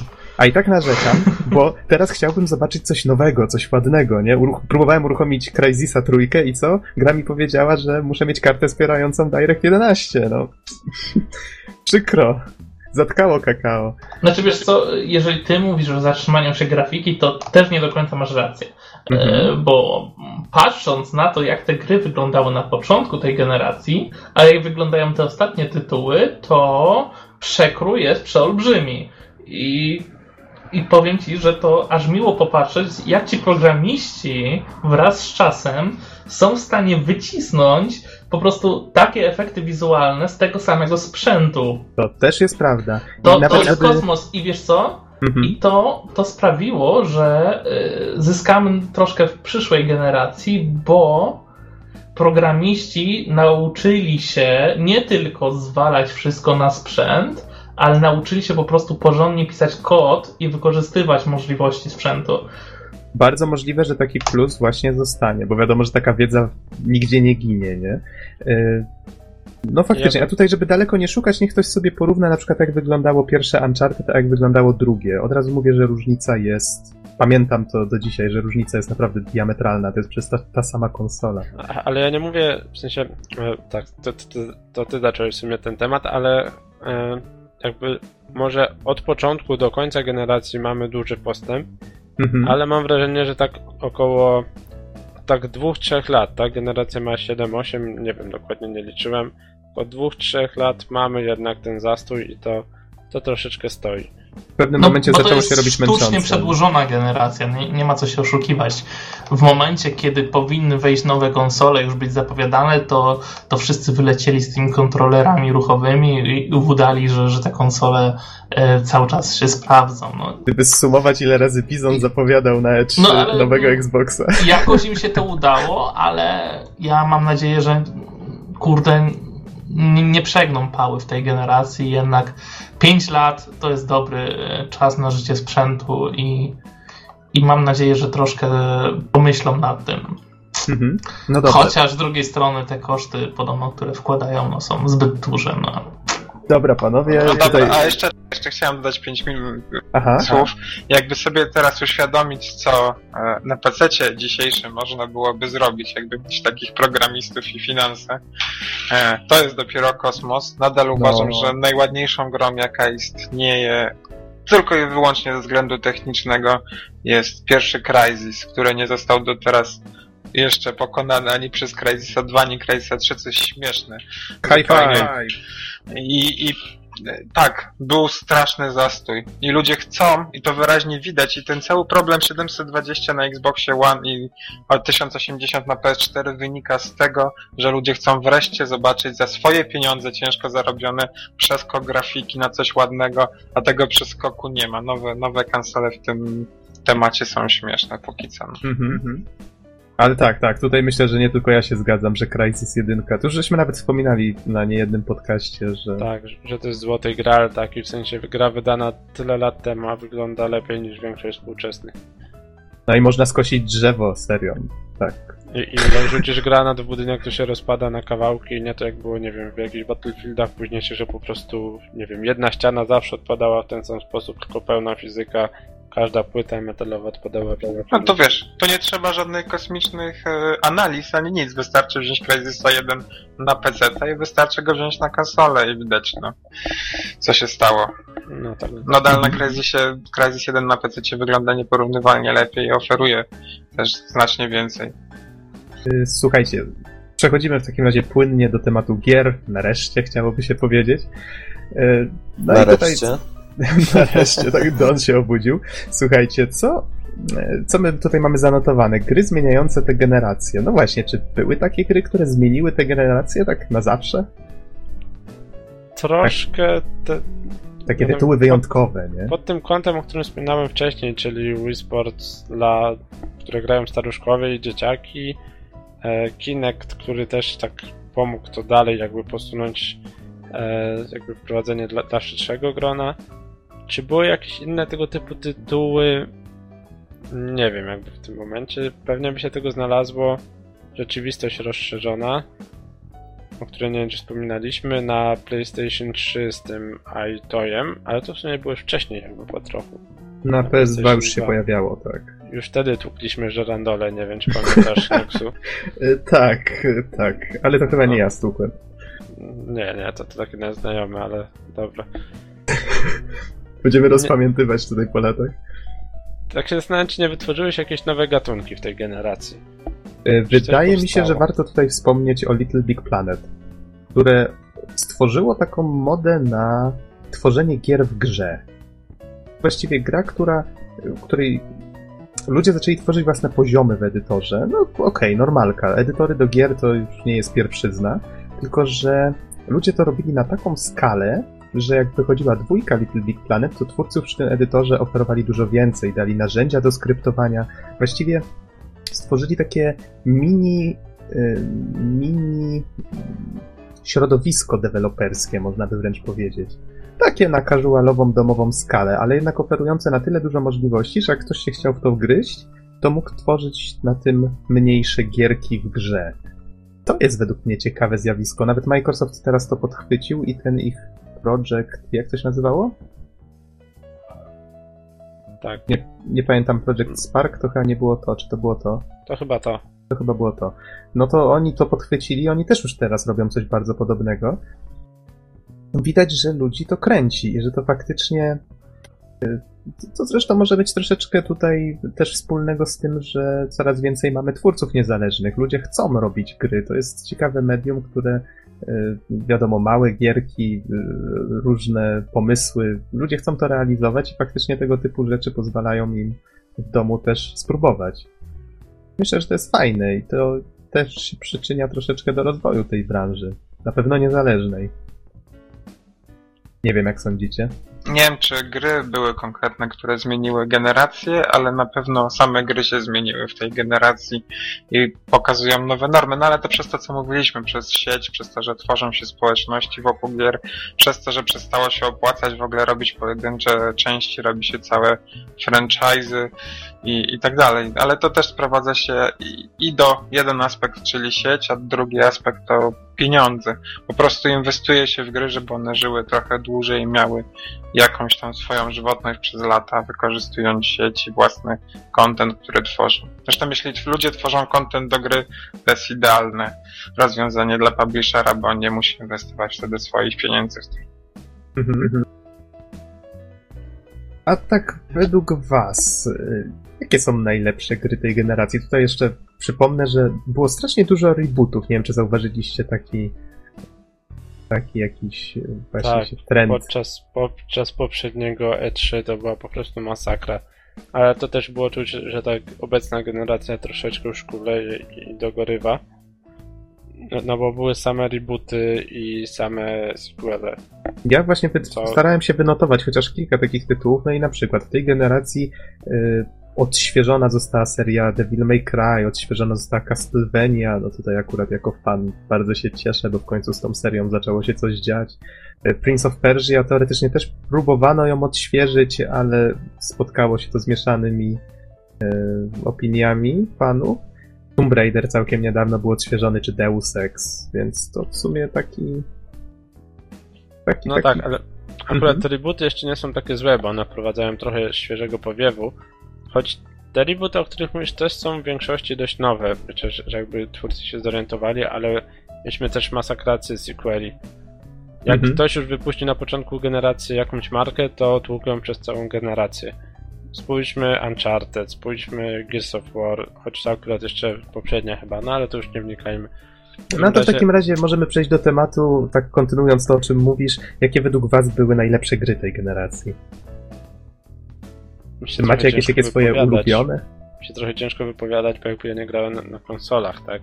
Tych, więc Znaczy, wam jeszcze, wracając jeszcze do tematu rebootów, który jest dosyć ciekawy. Wydaje mi się, że rebooty są tylko dlatego, że zmienili się gracze, zmienili się ludzie i zmieniły się gry, tak? Kiedyś gry były faktycznie trochę bardziej dziecinne. Nie mówię, że gorsze, ale mniej dojrzałe. Teraz jest Mhm. taka moda trochę na dojrzałość gier, czasem źle zrozumianą, więc e, gry muszą być poważniejsze, mieć więcej przemocy, poruszać poważniejsze tematy i stąd trochę te rebooty wszystkie, które były takie dorosłą wersją franchise'u, które było kiedyś dzieckiem. Czasem nawet lepsze, ale mimo wszystko wydaje mi się, że to jest główny powód na reboot, żeby było bardziej e, flashy czasem, czasem ciekawsze były, no i zrobione za dużo większe pieniądze. Znaczy, ja bym, ja bym, Słuszna uwaga, uwaga.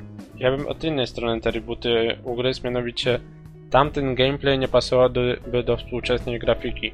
Gdyby Lara we współczesnej grafice miała tylko skakać po kamieniach i, i strzelać z pistolecików w taki bardzo sztywny, plastikowy sposób, wiecie, że ona te pistolety tak trzymała, no autocelowanie i tak dalej, to by się nie sprawdziło jakby w dzisiejszych grach, więc to wynika też ze zmiany grafiki i ogólnej zmiany rynku gier. Niekoniecznie stary gameplay pasowałby do współczesnych realiów. E, Ale dobra, to może wróćmy do, do tych najlepszych gier generacji i tutaj jakby wam oddaję głos. No, A wiesz, jakieś gry przecież, które wychodziły na, też na PC z konsol.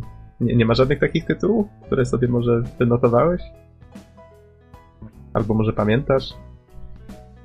W tym momencie, szczerze mówiąc, dajcie mi chwilkę, jeszcze przemyślę, to, to, to Dobrze, to może w takim razie y, Rezil. okej. No to tak, no uważam, że dwa tytuły zdecydowanie tutaj zasługują na wyróżnienie i definiowały dla mnie poprzednią generację. Pierwszy to jest Dark Soul, kontynuacja Demon Soula, duchowa kontynuacja Demon Soula, która po pierwsze zmieniła w ogóle spojrzenie na poziom trudności w grach i zdefiniowała go na nowo. I zrobiła to bardzo dobrze, co jest zaskakujące, bo jest pierwsza, no właściwie druga, ale tak naprawdę pierwszy tytuł, mm, który pokazuje, że można zrobić troszkę inaczej poziom trudności i, i jest to bardzo atrakcyjne. I drugi tytuł to jest e, Red Dead Redemption, e, który Rockstar, w ogóle nikt się chyba nie spodziewał po Rockstarze, że może zrobić e, tytuł zupełnie inny niż GTA, a także z tego gatunku mm, open world, niesamowicie pod, łapiący w ogóle esencję tego dzikiego zachodu i tego, co chce przekazać, także z masą zadań pobocznych i po raz pierwszy w historii, moim zdaniem, Rockstara też z dobrą fabułą. Mhm, mhm. No to ja Mogę- tutaj mogę, mogę wspomnieć, że faktycznie Dark Souls y, jak najbardziej, czy właśnie Demon's Souls, w moim przypadku też było takie e, odkrycie na zasadzie tego powrotu do gier wymagających, czy właśnie takich, które nie prowadziły gracza za rączkę, no to było coś, co czego faktycznie chyba trochę podświadomie mi brakowało od czasów No Pegasus. bo umówmy się, że nowa generacja, e, znaczy obecna, odchodząca generacja to jest wielki ukłon w stronę casuali, no bo wielkie pieniądze musi wiele osób kupić. A Mhm. Demon Soul i Dark Soul pokazały, że to jest takie specjalnie dla was, dla tych wszystkich graczy dojrzalszych, hardkorowych bardziej, którzy oczekują wyzwania. Tutaj macie specjalnie tytuł przygotowany dla was. Nie ma nikt inny do tego miejsca. Jeśli chcecie się zmierzyć, to proszę. I to, to jest bardzo, bardzo fajne. Mhm. I tutaj wynotowałem sobie co prawda dużo różnych tytułów, jak Journey, właśnie Uncharted, czy, czy nowe Batmany, ale wiecie, tak w sumie, gdybym miał wymienić jedną z tych gier poza właśnie Dark Souls, e, która zrobiła na mnie największe wrażenie, to chyba Metal Gear Solid 4 musiałbym wymienić, czyli wracam tutaj właśnie do początku posiadania e, PS3 i no, Kojima to jednak Kojima, to to było zamknięcie jakby sagi, którą człowiek znał już 10, może więcej lat, już nie pamiętam i to faktycznie było, mocno oddziaływało na, na emocje i to faktycznie jest coś, czego się myślę, cze- czego fan raczej nie zapomina. Więc tak, to, to myślę takie dwie gry, które w tej generacji zdecydowanie, które na pewno zapamiętam. No, a tak to oczywiście było dużo innych gier, które były bardzo wysokiej jakości. Tutaj, nie wiem, Remember Me, Bioshock, Gran Turismo sobie wynotowałem w sumie też, chociaż wiem, że to taka trochę sprzeczna kwestia. Znaczy, mm, może kontrowersyjna, nie tyle co sprzeczna. Heavy Rain też był całkiem fajny. No dużo, dużo było bardzo fajnych gier. Więc poziom był ogólnie dość wysoki. A nie wiem, Bizonie, jak w twoim przypadku? Nie wiem, mi, mi to aż ciężko jest się wypowiedzieć. Po prostu e, wczoraj przerzucałem trochę tych tytułów z półki, bo jestem w trakcie wyprzedawania swoich kolekcji. Wczoraj dorwałem się do gier z PlayStation 3 i stwierdziłem, że po prostu tych tytułów tej generacji było tak strasznie dużo, a trzeba się przyznać, że dla mnie to była generacja, w której po raz pierwszy tak naprawdę zacząłem przechodzić gry. Już nie tylko w nie grałem, ale naprawdę e, potrafiłem kończyć e, tytuły jeden za drugim. Brawo! Co było dla mnie, dla mnie sporą, sporą odmianą, bo nie wiem, wcześniej jakoś tak nie byłem przyzwyczajony do, do tego. Po prostu grałem, coś mi się nie podobało, zmieniałem grę. E, mm, Jakby ta poprzednia generacja troszkę inaczej dla mnie wyglądała. Tutaj natomiast e, no, ograłem. e, No, wow, no, Xbox mi powie, że ograłem z 240 tytułów do tego trochę na PlayStation, trochę na Wii. No spokojnie wyknęłem z 300 tytułów tej generacji. Nie wiem, czy dla was to jest dużo, czy, czy nie. Ile? Jeszcze raz? Z 300 tytułów. Mój Boże. Nie, Nie dużo. wiem, nie wiem. Nie wiem, no ja, ja też nie gram aż w takich ilościach, tak? Nie gram codziennie, ale dla mnie, dla mnie to było naprawdę sporo. I szczerze, nie chciałbym wybierać jakichś, jakichś konkretnych tytułów, które, które mi się podobały. Na pewno robiły na mnie wrażenie te pierwsze tytuły, w które grałem. Głównie przez grafikę, głównie przez to, że e, te gry troszkę prezentowały inny poziom, w szczególności strzelanki, które jak dla mnie rozwinęły się dopiero w tej generacji konsol. E, I, I dużo właśnie fajnych FPS-ów wspominam, także TPP, na pewno pierwsze Gears of War e, nigdy nie zostanie mi za, e, zapomniane, bo to był jeden z tych fajniejszych takich początkowych tytułów tej, tej generacji. I no dużo, dużo gier, Uncharted, wszystkie Borderlands, y, dziesiątki arcade'ów. Nie jestem w stanie po prostu wymieniać pojedynczych tytułów, bo musiałbym wymienić co drugą grę, w którą grałem, bo każda mi się w jakiś tam sposób y, podobała. No. Mhm. No ważne, że dostaliśmy w tej generacji potężne franchise, które się przerzuciły w ogóle na filmy, książki, komiksy i wszystko, tak? Mass Effect, Assassin's Creed. W poprzedniej generacji to było niemożliwe, bo nie były takie pieniądze brane pod uwagę, a w tej chwili to faktycznie jak się wchodzi w jakąś grę, to czasem wchodzi się w całe uniwersum jej. Mhm. A właśnie, to, tak z ciekawości, no bo dobiliśmy do 80 milionów sprzedanych egzemplarzy zarówno PlayStation 3 jak i Xboxów. Yy, To Rezil, kojarzysz może jakie ilości konsol były sprzedane w poprzedniej generacji jeszcze? Ile było na przykład PS, PS2? Oj, nie, nie, z pamięci nie powiem, nie chcę skłamać. Ale to można łatwo zobaczyć na Wikipedii. Nie, Jestem po prostu ciekaw, czy, czy faktycznie tych konsol było aż tyle więcej, że, że pompowano tyle więcej pieniędzy w ten cały marketing. No dobrze, wiecie, czas nas bardzo, bardzo goni, więc przejdźmy do ostatniego tematu, e, czyli A, Co- co nas właściwie- Mario Galaxy wymiatało. ostatnia myśl. E, Co nas czeka w przyszłości? Czyli troszeczkę sobie pospekulujmy, tak już postarajmy się to zawrzeć w miarę w kilku minutach. Chociaż jak się dyskusja rozwinie, to czemu i nie? No, mamy taki potężny temat, jakby na to nie patrzeć dzisiaj. E, Od czego by tu zacząć? Mm, Powiedzcie mi może najpierw, jakie gry jeszcze dobre na tej generacji zobaczymy? No bo ona tak od razu nie umrze, prawda? Tak z dnia na dzień. To jeszcze jest. Dark Souls nic. 2 wychodzi przecież. No już jak nie? nic, Już nic. No, Dark Souls Castlevania. 2. Dark Souls, Dark Souls 2. Tak, dokładnie. Castlevania na pewno, co? Będzie, tak, będzie Castlevania Lords of Shadow 2. O mój Dla Boże. ciebie to jeszcze Gran Turismo nowe. Wiesz, nie, nie szczególnie. Powiem ci, Gran Turismo 5 to jest jak gra, którą jak kupisz, to już nie musisz mieć więcej wyścigów na resztę życia. To chyba tak. Ja, ja dlatego jak kupię sobie nowego Xbox, znaczy już kupiłem, przyjdzie do mnie, to pierwszego dnia ściągnę sobie z cyfrowej dystrybucji Forza, bo to jest też gra, której nie trzeba nigdy się pozbywać. to można grać i grać. No, czyli ja czekam na pewno jeszcze na Castlevanię w lutym, na Dark Souls w marcu, więc to jest na mojej liście must have.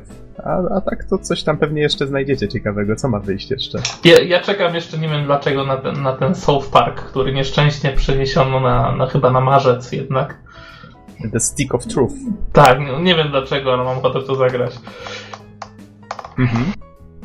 A Rezil?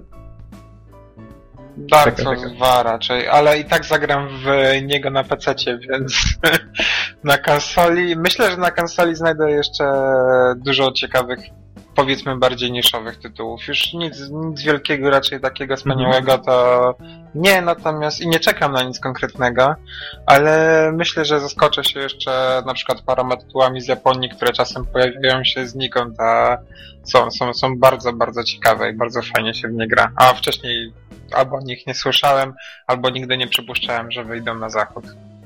Mhm. A, a takie szybkie pytanie, dlaczego na PC akurat? Dark Souls 2? Bo na PC będzie pewnie lepszy, no. Mówiąc najprościej, jak każdy tytuł, który ma dobry port.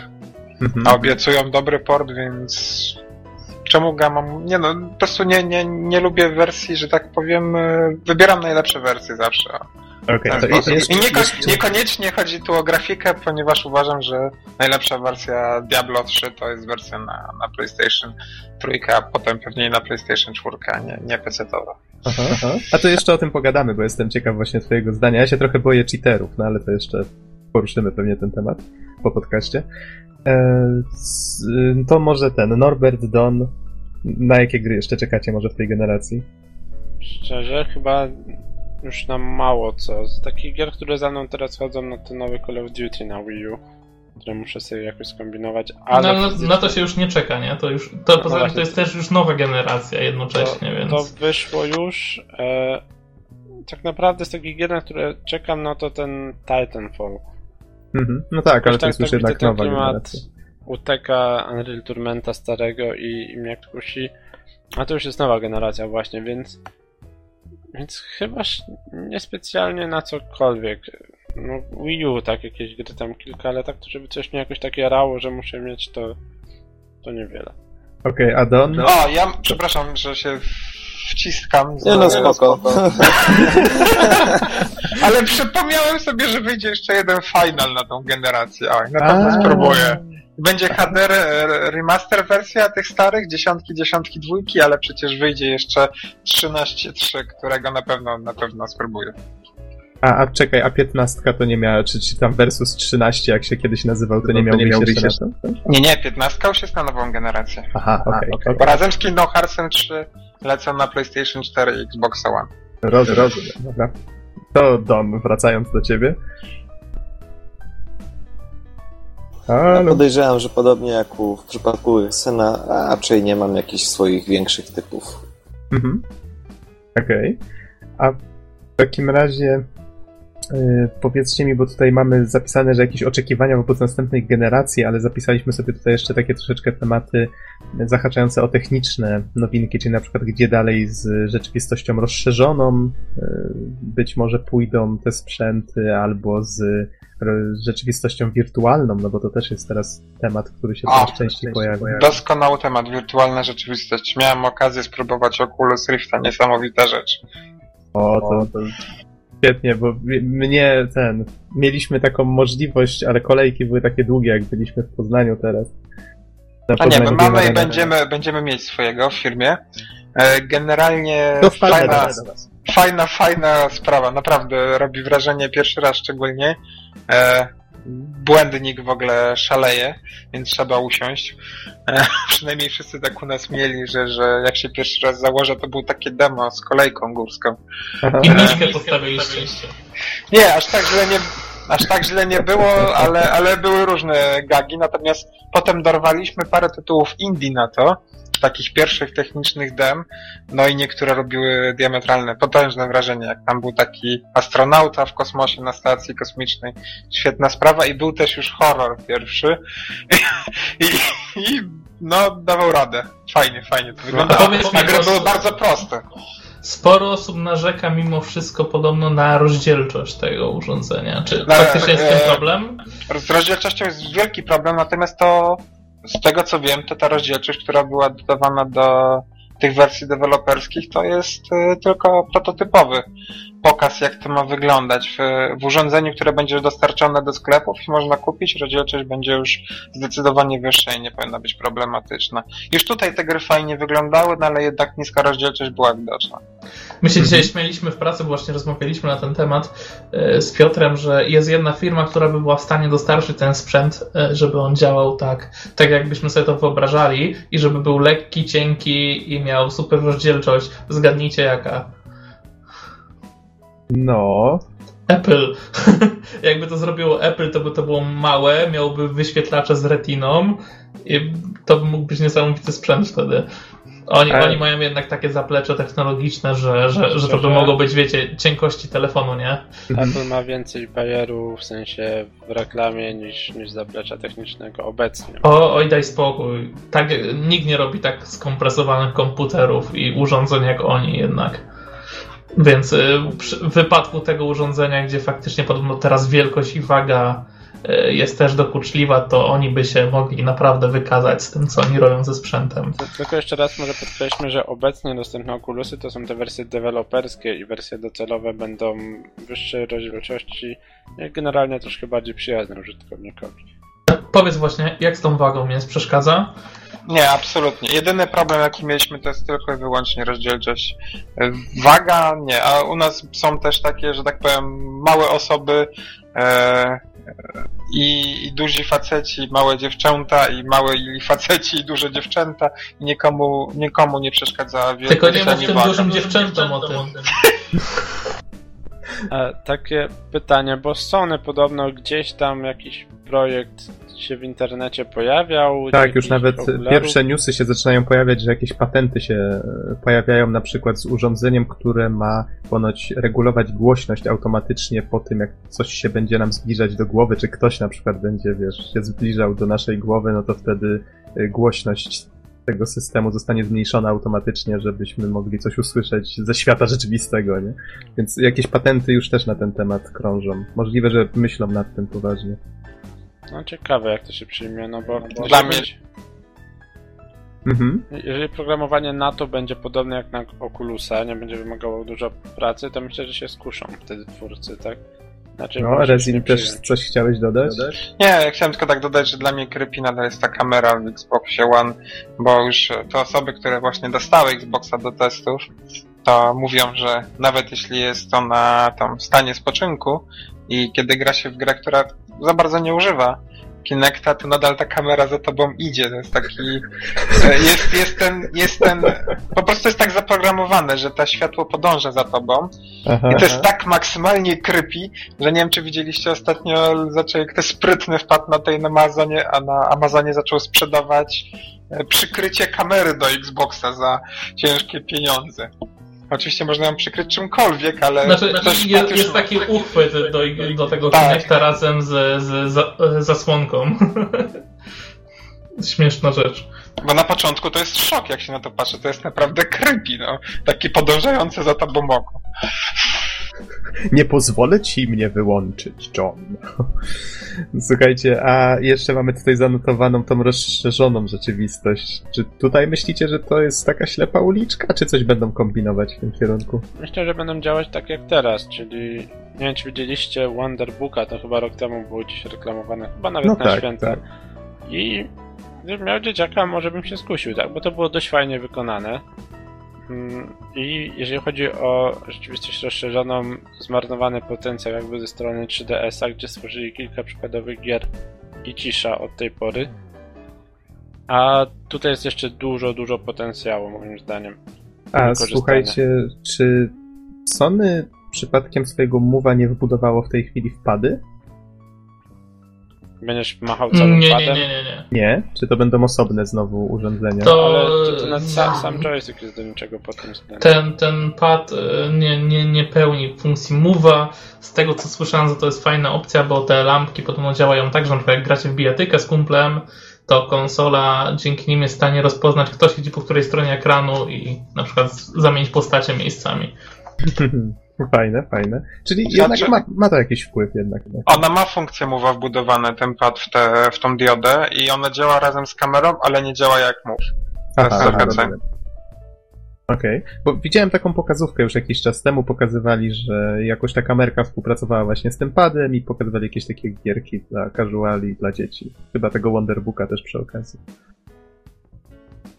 No okej, ale to jeszcze macie coś do dodania a propos tej rozszerzonej rzeczywistości, czy przechodzimy w takim razie do oczekiwań na następną generację? To znaczy, ja bym dodał tyle, że jeżeli ktoś spróbował tego, widział te gierki 3DS-owe, gdzie nagle smok mu wychodzi ze stołu, albo to bardziej zaawansowane strzelanie, gdzie krążycie naokoło stołu, próbujecie wstrzelić się w stół gdzieś tam w środek, to jakby wtedy dopiero zakuma, jaki w tym tkwi potencjał i jak to bardzo jest jeszcze niewykorzystany segment rynku.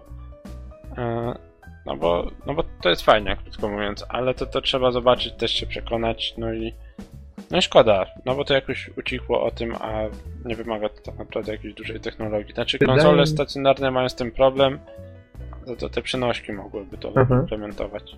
Wydaje mi się, że chyba potrzebny jest jakiś lepszy bodziec, żeby to ruszyło. Na przykład, żeby to było wbudowane w okulary albo coś w tym rodzaju.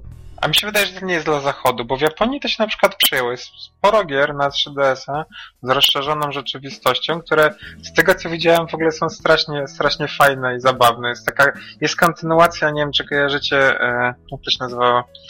Project, Project X. E, mm, zapomniałem teraz nazwę. Zabijało się duchy e, aparatem fotograficznym. A, A wiem o czym mówisz. no, no, i jedna z tych części, taki spin-off z tego, wyszedł na 3DS-a w Japonii tylko, właśnie z rozszerzoną To rzeczywistością. chyba był w Europie Fatal Frame, tak? Wow, Bizonie, słyszę straszne echo od ciebie. Nie wiem, spróbuj coś może z tym zrobić. Jakbyś był w jaskini. dlaczego. To te lepiej. duchy pewnie. To te duchy pewnie, no. Ten Fatal Frame to chyba był, nie? O, Ta o. Tak, tak. Tak, Fatal Fatal Frame wyszedł do tego spin-off, gdzie masz taką postać e, dziewczyny, która oprowadza cię po swoim własnym domu, mieszkaniu, ale pokazując, że wszędzie dookoła są w nim duchy, które trzeba łapać 3DS-em. Fajny pomysł, fajnie to wyglądało, ale w ogóle Zachód o tym nie usłyszał. No ja faktycznie pierwszy raz słyszę. A mówisz więcej jest takich gierek, które nigdy nie wyszły poza Japonię. tego typu? Jest tego znacznie więcej. Aha, aha. To ciekawe. Mało. Halo, halo? Tak, tak. No nie, ciekawe i tyle Nagle koniec tematu, bo C- to... Ciekawy koniec tematu. taki Tak, no bo, bo, no bo nic, nic z tym nie zrobimy, no. No właśnie szkoda, bo to jest niewykorzystane. No ale To dobra. w takim razie przejdźmy już w takim razie do tego ostatniego tematu, czyli jakie są wasze oczekiwania wobec tej przyszłej generacji? No wiemy już mniej więcej, co oferuje ten Xbox, co oferuje to PS4, ale czy jest coś takiego konkretnego, co macie nadzieję, żeby się rozwinęło w jakimś konkretnym kierunku? Mi się wydaje, że po raz pierwszy tak naprawdę bardzo silno, silnie wchodzą MMOsy na rynek konsol i to może być ciekawe, bo na PC one już mają swoje miejsce i masa PC-towych graczy gra w jakieś MMO darmowe, płatne, whatever. Natomiast na konsoli były dwa, trzy tytuły, tak się nie przyjęły, przyjęły, różnie z tym było bardzo. Natomiast teraz już widzimy, że w ogóle tytuły free to play i pełne tytuły konsolowe, znaczy PC-towe MMOsy jak Elder Scrolls Online zmierzają po raz pierwszy na, na konsolę i jestem bardzo ciekaw, co z tego będzie. To, to jest i tym bardziej jeszcze porównując to wszystko, że tam się płaci za granie teraz na obu konsolach po sieci, jeszcze trzeba płacić za abonament. Zobaczymy. A ja się Mhm. boję czegoś złego. Rezil już o tym wspomniał, gdy free to play. Zaleją nasz rynek i się zrobi z tego sieczka. Coś jeszcze gorszego niż DLC. Tak wiem, że jestem czarnowidzem, ale chodzi o to, że zwróćcie uwagę, że na przykład Crytek, twórcy Crysisa i kilku innych ciekawych gier, najnowszą grę wypuszczą free to play, czyli wszyscy wiemy jak to wygląda. Niby jest darmowe, ale żeby naprawdę w to grać trzeba niestety płacić i to często większe pieniądze niż za normalną grę. Mm, No i myślę, że szczególnie w przypadku Xboxa to będzie widoczne, bo oni się starają to jakoś zunifikować z Windowsem 8. Będziemy mieli dużo, dużo, dużo, dużo casualowych gier, które będą dostępne i na Xboxie nowym, szczególnie jeżeli ma być to taka maszyna do salonu dla wszystkich, i na Windowsie 8 równocześnie, tak? Więc jakby te dwie zmiany, takie, które dość szybko zobaczymy, będą na pewno widoczne. Mhm. Z tym, że warto tu dodać, że Sony tworzy własne produkcje, e, które zawitają na PlayStation, na Xbox Microsoft nie ma własnych MMOsów. A Sony ma całkiem, całkiem niezłą, niezłą galerię tytułów. Ale to, ale to tylko o MMOsach, tak tylko ogólnie. No nie, no to nie, nie tylko MMOsach, ale to w Planet Side 2 powiedzmy to nie jest do końca gra MMO, natomiast jest to porządny tytuł free to play, startuje na konsoli Sony. I na I na- PC.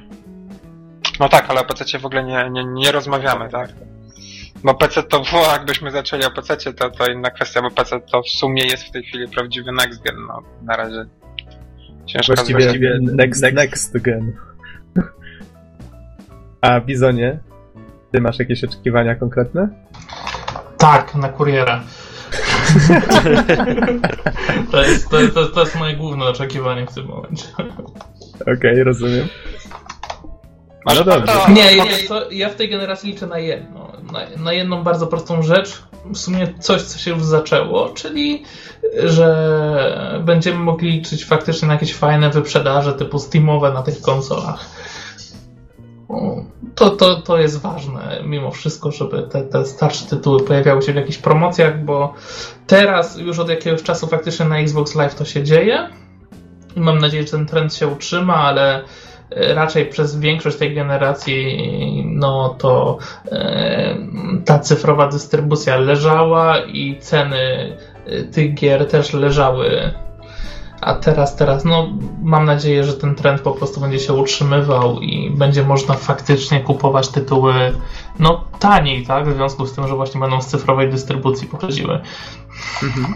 A wiecie, tutaj y, wcześniej y, Rezil wspominał o tym, że Humble Bundle i inne tego typu inicjatywy mogą niekorzystnie właśnie, czy właściwie niekorzystnie wpływają na rynek, prawda? Tymi cenami swoimi na dłuższą metę może się nam odbić czkawką.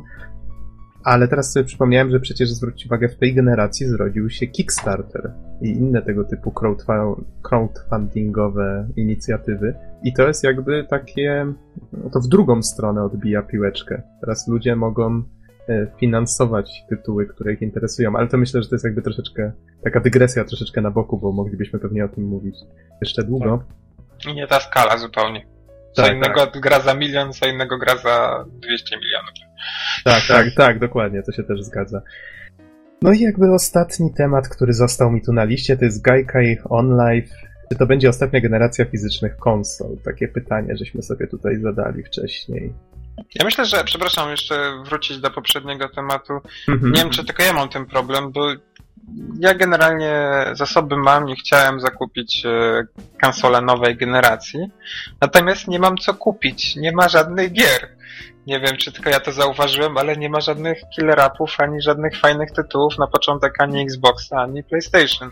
No, Jeden no faktycznie kill... troszkę mało. Jeden Killzone nie ratuje sytuacji, a za Syncryda jakby już na PC będę grał, więc to dwa tytuły, które jakokolwiek mnie interesują, bo tak to mm -hmm. no, mhm. nic nie widzę poza tym. No ja faktycznie też postanowiłem, że w przyszłym roku kupuję nowego PC-ta i, i od razu mam tak. Wiedźmin 3 wychodzi na PC, to jest tytuł, na który czekam. Będzie Metal Gear Solid e, Ground Zero też wychodzi na, na PC-ta, więc... Co? No, no nie? No nie? Nie, dlaczego? No przecież no, miał wyjść na PC. Nie, to takie plotki były, jeszcze nic nie wiadomo, nic nie jest potwierdzone. Póki co Metal Gear 4 też miał wyjść na PC. Więc od Metal Gear 2, który był na PC, to wszystkie Metal Gear miały wyjść na PC, no i wiadomo jak to się skończyły. Więc ja bym taki optymistyczny nie był. Może to będzie właśnie tytuł, który będzie powodem, że warto kupić PlayStation 4. Tak jak było dla ciebie Metal Gear 4, żebyś kupił PlayStation 3. Wiesz, ale właściwie mam nadzieję, że jednak wyjdzie na, tym, na tego PC. Będzie taniej. Wiecie, ja mam zupełnie inne podejście. Generalnie, a nie akceptuję grania zbytnio na komputerze jako tako. Nie wiem, nie lubię, nie chcę, nie chcę inwestować w komputer pod kątem grania. E, generalnie mnie to nie bawi, wolę sobie usiąść na kanapie.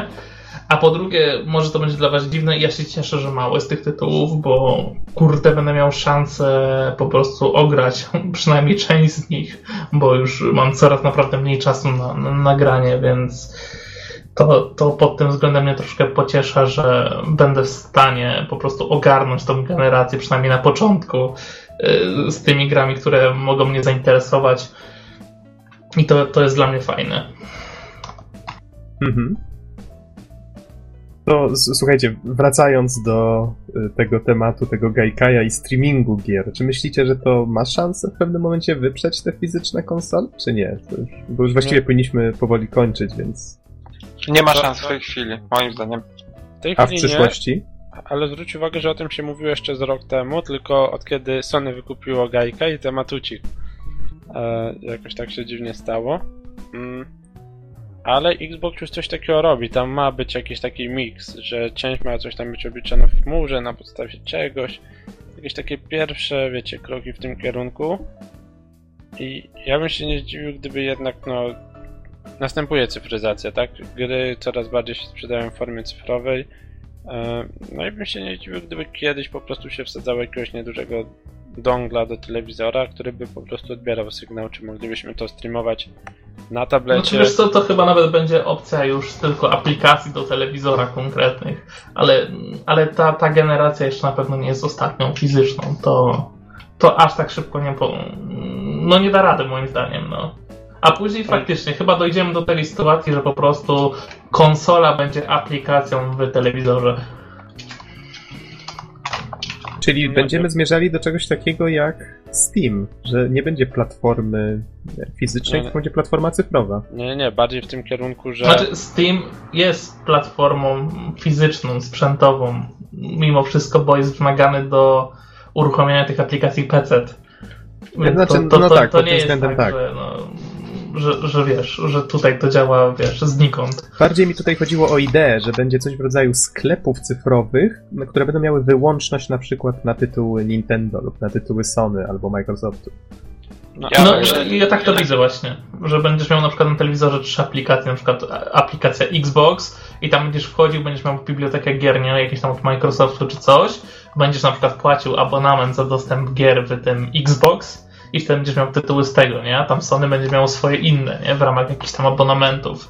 Mhm. I, I to chyba no, w pewnym momencie dojdzie do tego, nie? Bo to jest tylko sprzęt. Ten sprzęt, y, mm, wszystko jest coraz mocniejsze, więc stanie się mniej potrzebny, tak? Będzie Albo się zrobi- rozchodziło sam software. Albo zrobi się jeszcze inaczej, tak jak teraz, y, jak jak było to, że jedni wymyślili coś, a drudzy zrobili zupełnie inaczej. Microsoft powie, my w tym, tej generacji rezygnujemy z konsol. Sony. Wydajemy PlayStation 6. Już wszyscy, oh. Ale wyobraź sobie, że na przykład w pewnym momencie za 3 lata Steam mówi okej, nie potrzebujecie PC-a, wystarczy albo aplikacja na telewizor, albo w sumie przeglądarka i możecie grać w całą swoją bibliotekę Steamową na tablecie, czy na czym chcecie, byle miał Kupujesz pada, pada, na, podpinasz pod USB nadajnik czy coś tam i, I moim zdaniem rynek jest zaorany w tym czy, momencie. przez Bluetooth, nie? Pada podłączysz nawet. Z tymi cenami bez konieczności posiadania PC-a jako wiesz, maszyny do grania dużego, ciężkiego pudła, no bo laptopy się średnio sprawdzają, Użyjemy w ciekawych czasach.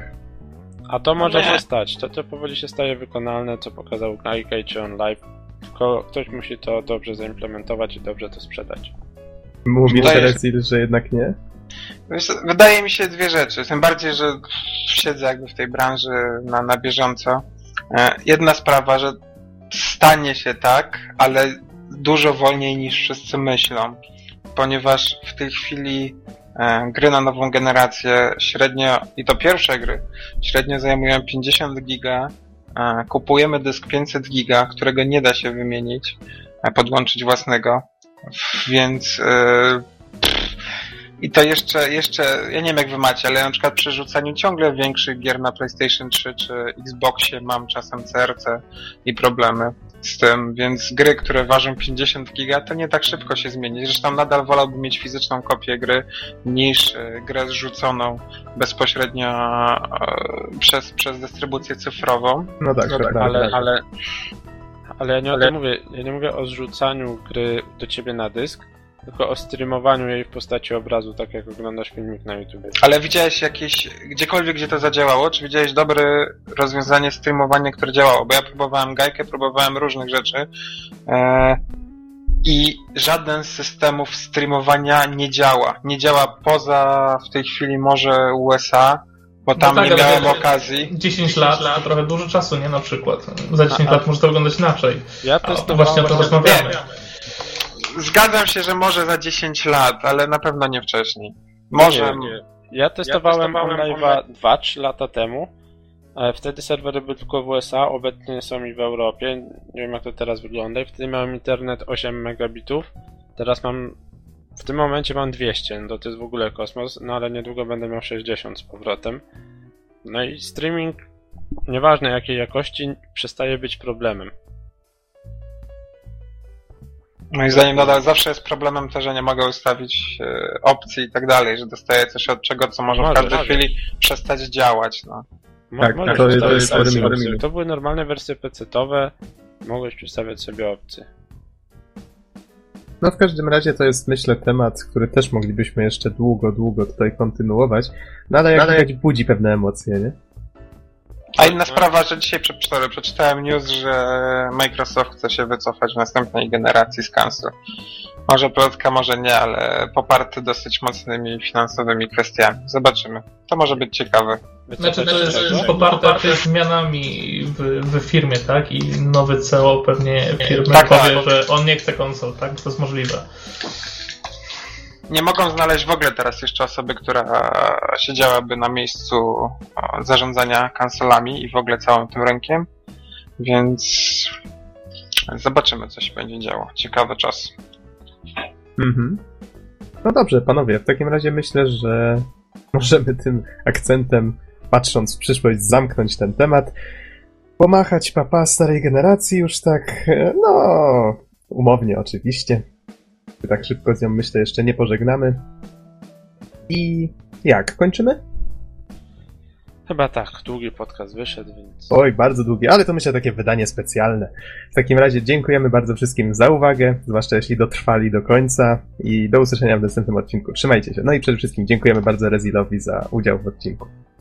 Dziękuję również za zaproszenie i dzięki wszystkim. Hej. Dzięki i na razie.